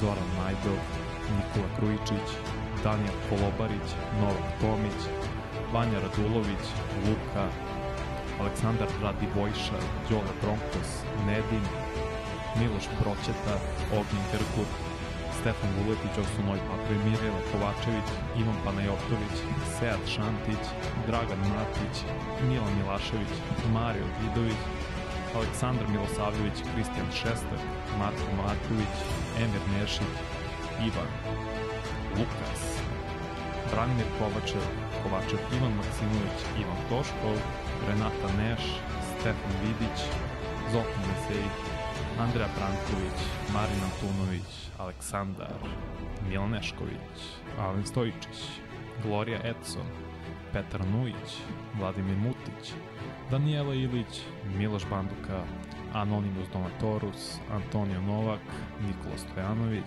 Stefan Tulić, Nenad Simić, Kovačević Omer, Aleksandar Antonović, Luka Manitašević, Mihovil Stamičar, Nemanja, Andrej Božo, Lazar Hristov, Miloš Radosavljević LFC, Branimir Rijavec, Đurđica Martinović, Aleksa Lilić, Mirjana Živković, Duša Ristić, Vukašin Jekić, Ivica, Damjan Veljanovski, Marko Bogovac, Nemanja Jeremić, Luka Klasov, Boris Kujundžić, Nemanja Miloradović, Vladim, Vladidov Dej, Jugoslav Krasnić, Marko Kozić, Dimitrije Mišić, Đole Kuber 4, Marko Ćurčić, Monika Erceg, Branislav Marković, Stefan Janković, Stefan Prijović, Boris Erceg, Dragan Nikolovski, Petar Relić, Dorijan Kablar, Boris Golubar, Crnogorski džedaj, Mladen Krstić, Zlatko Vlas, Vasić, Milan Paunović, Benjo KK,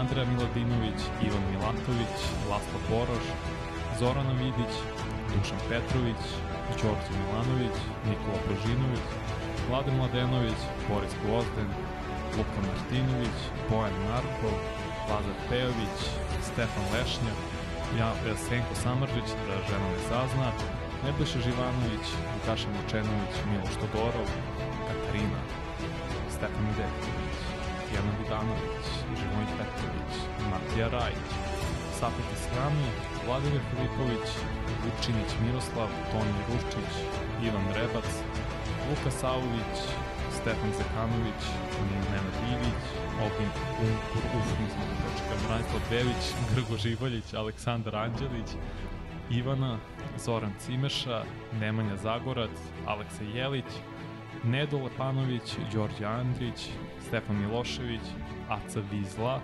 Srđan Sivić, Borislav Vukojević, Aleksa Valter, Aleksandar Banovac, Kimi Rajkonen, Jovan Đodan, Dušan Delić, Ljubo Đurović, Miloš Rašić, Bata Brada, Milan, Đorđe Radojević, Šmele, Bakter Abturmanov, Dejan Avić, Strahinja Blagojević, Đorđe Đukić, Bojan Mijatović, Blufonac, Marko Draković, Trajković, Andreja Pičak, Anonimus Donatorus, Josip Kovačić, Saša Ranisavljević, Ante Primorac, Neđo Mališić, Andreja, Stefan Ličina, Milan Apro, LG Đurović, Milan Ristić, Nenad Đorđević, Denis Poljarić, Jelena Jeremić, Anonimus Donatorus, Dus Nikola, Nenad Pantelić, Nikola Milosavljević, Bogdan, Mihajlo Krgović, Pavle Nj, Mojan Majstorović, Dejan Đokić,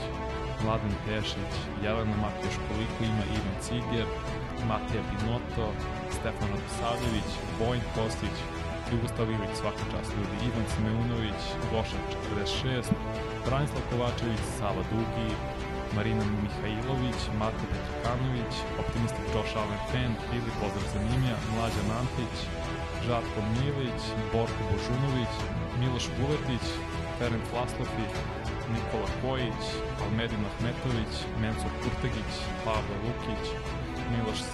LFC, Nemanja Miloradović, Aleksandar Nikolić, Vlada Ivanović, Marko Stojilković, Vladan Đurić, MS Trtin, Nemanja Cimbaljević, Aleks Vulović, Marina, Alin Jesenović, Jelena Jeremić, Nikola Krđan, Oliver Nikolić, Vukašin Vučenović, Nikola Niksi, Nikola Božović, Marko Bogavac, Igor Ninić, Vlatko Marić, Anonimus Donatorus, Bakadu, Almir Vuk, Ivan Magden, Magdelinić, Sejdo Mujčić, Branislav Dević, Ivan Vincetić, Ivan Vujesinović, Ivan Božanić, Marakoš, Bojan Gitarić, Toleador, Milanka Marunić, Ivan Hornjak, Aleksandar Kockar, Milan Knežević, Bojan Pejković, Dejan Janić, Nikola Vulović, Kosta Berić, Miloš Stanimirović, Kro Robi 00, Tim Stero, Saša Stefanović,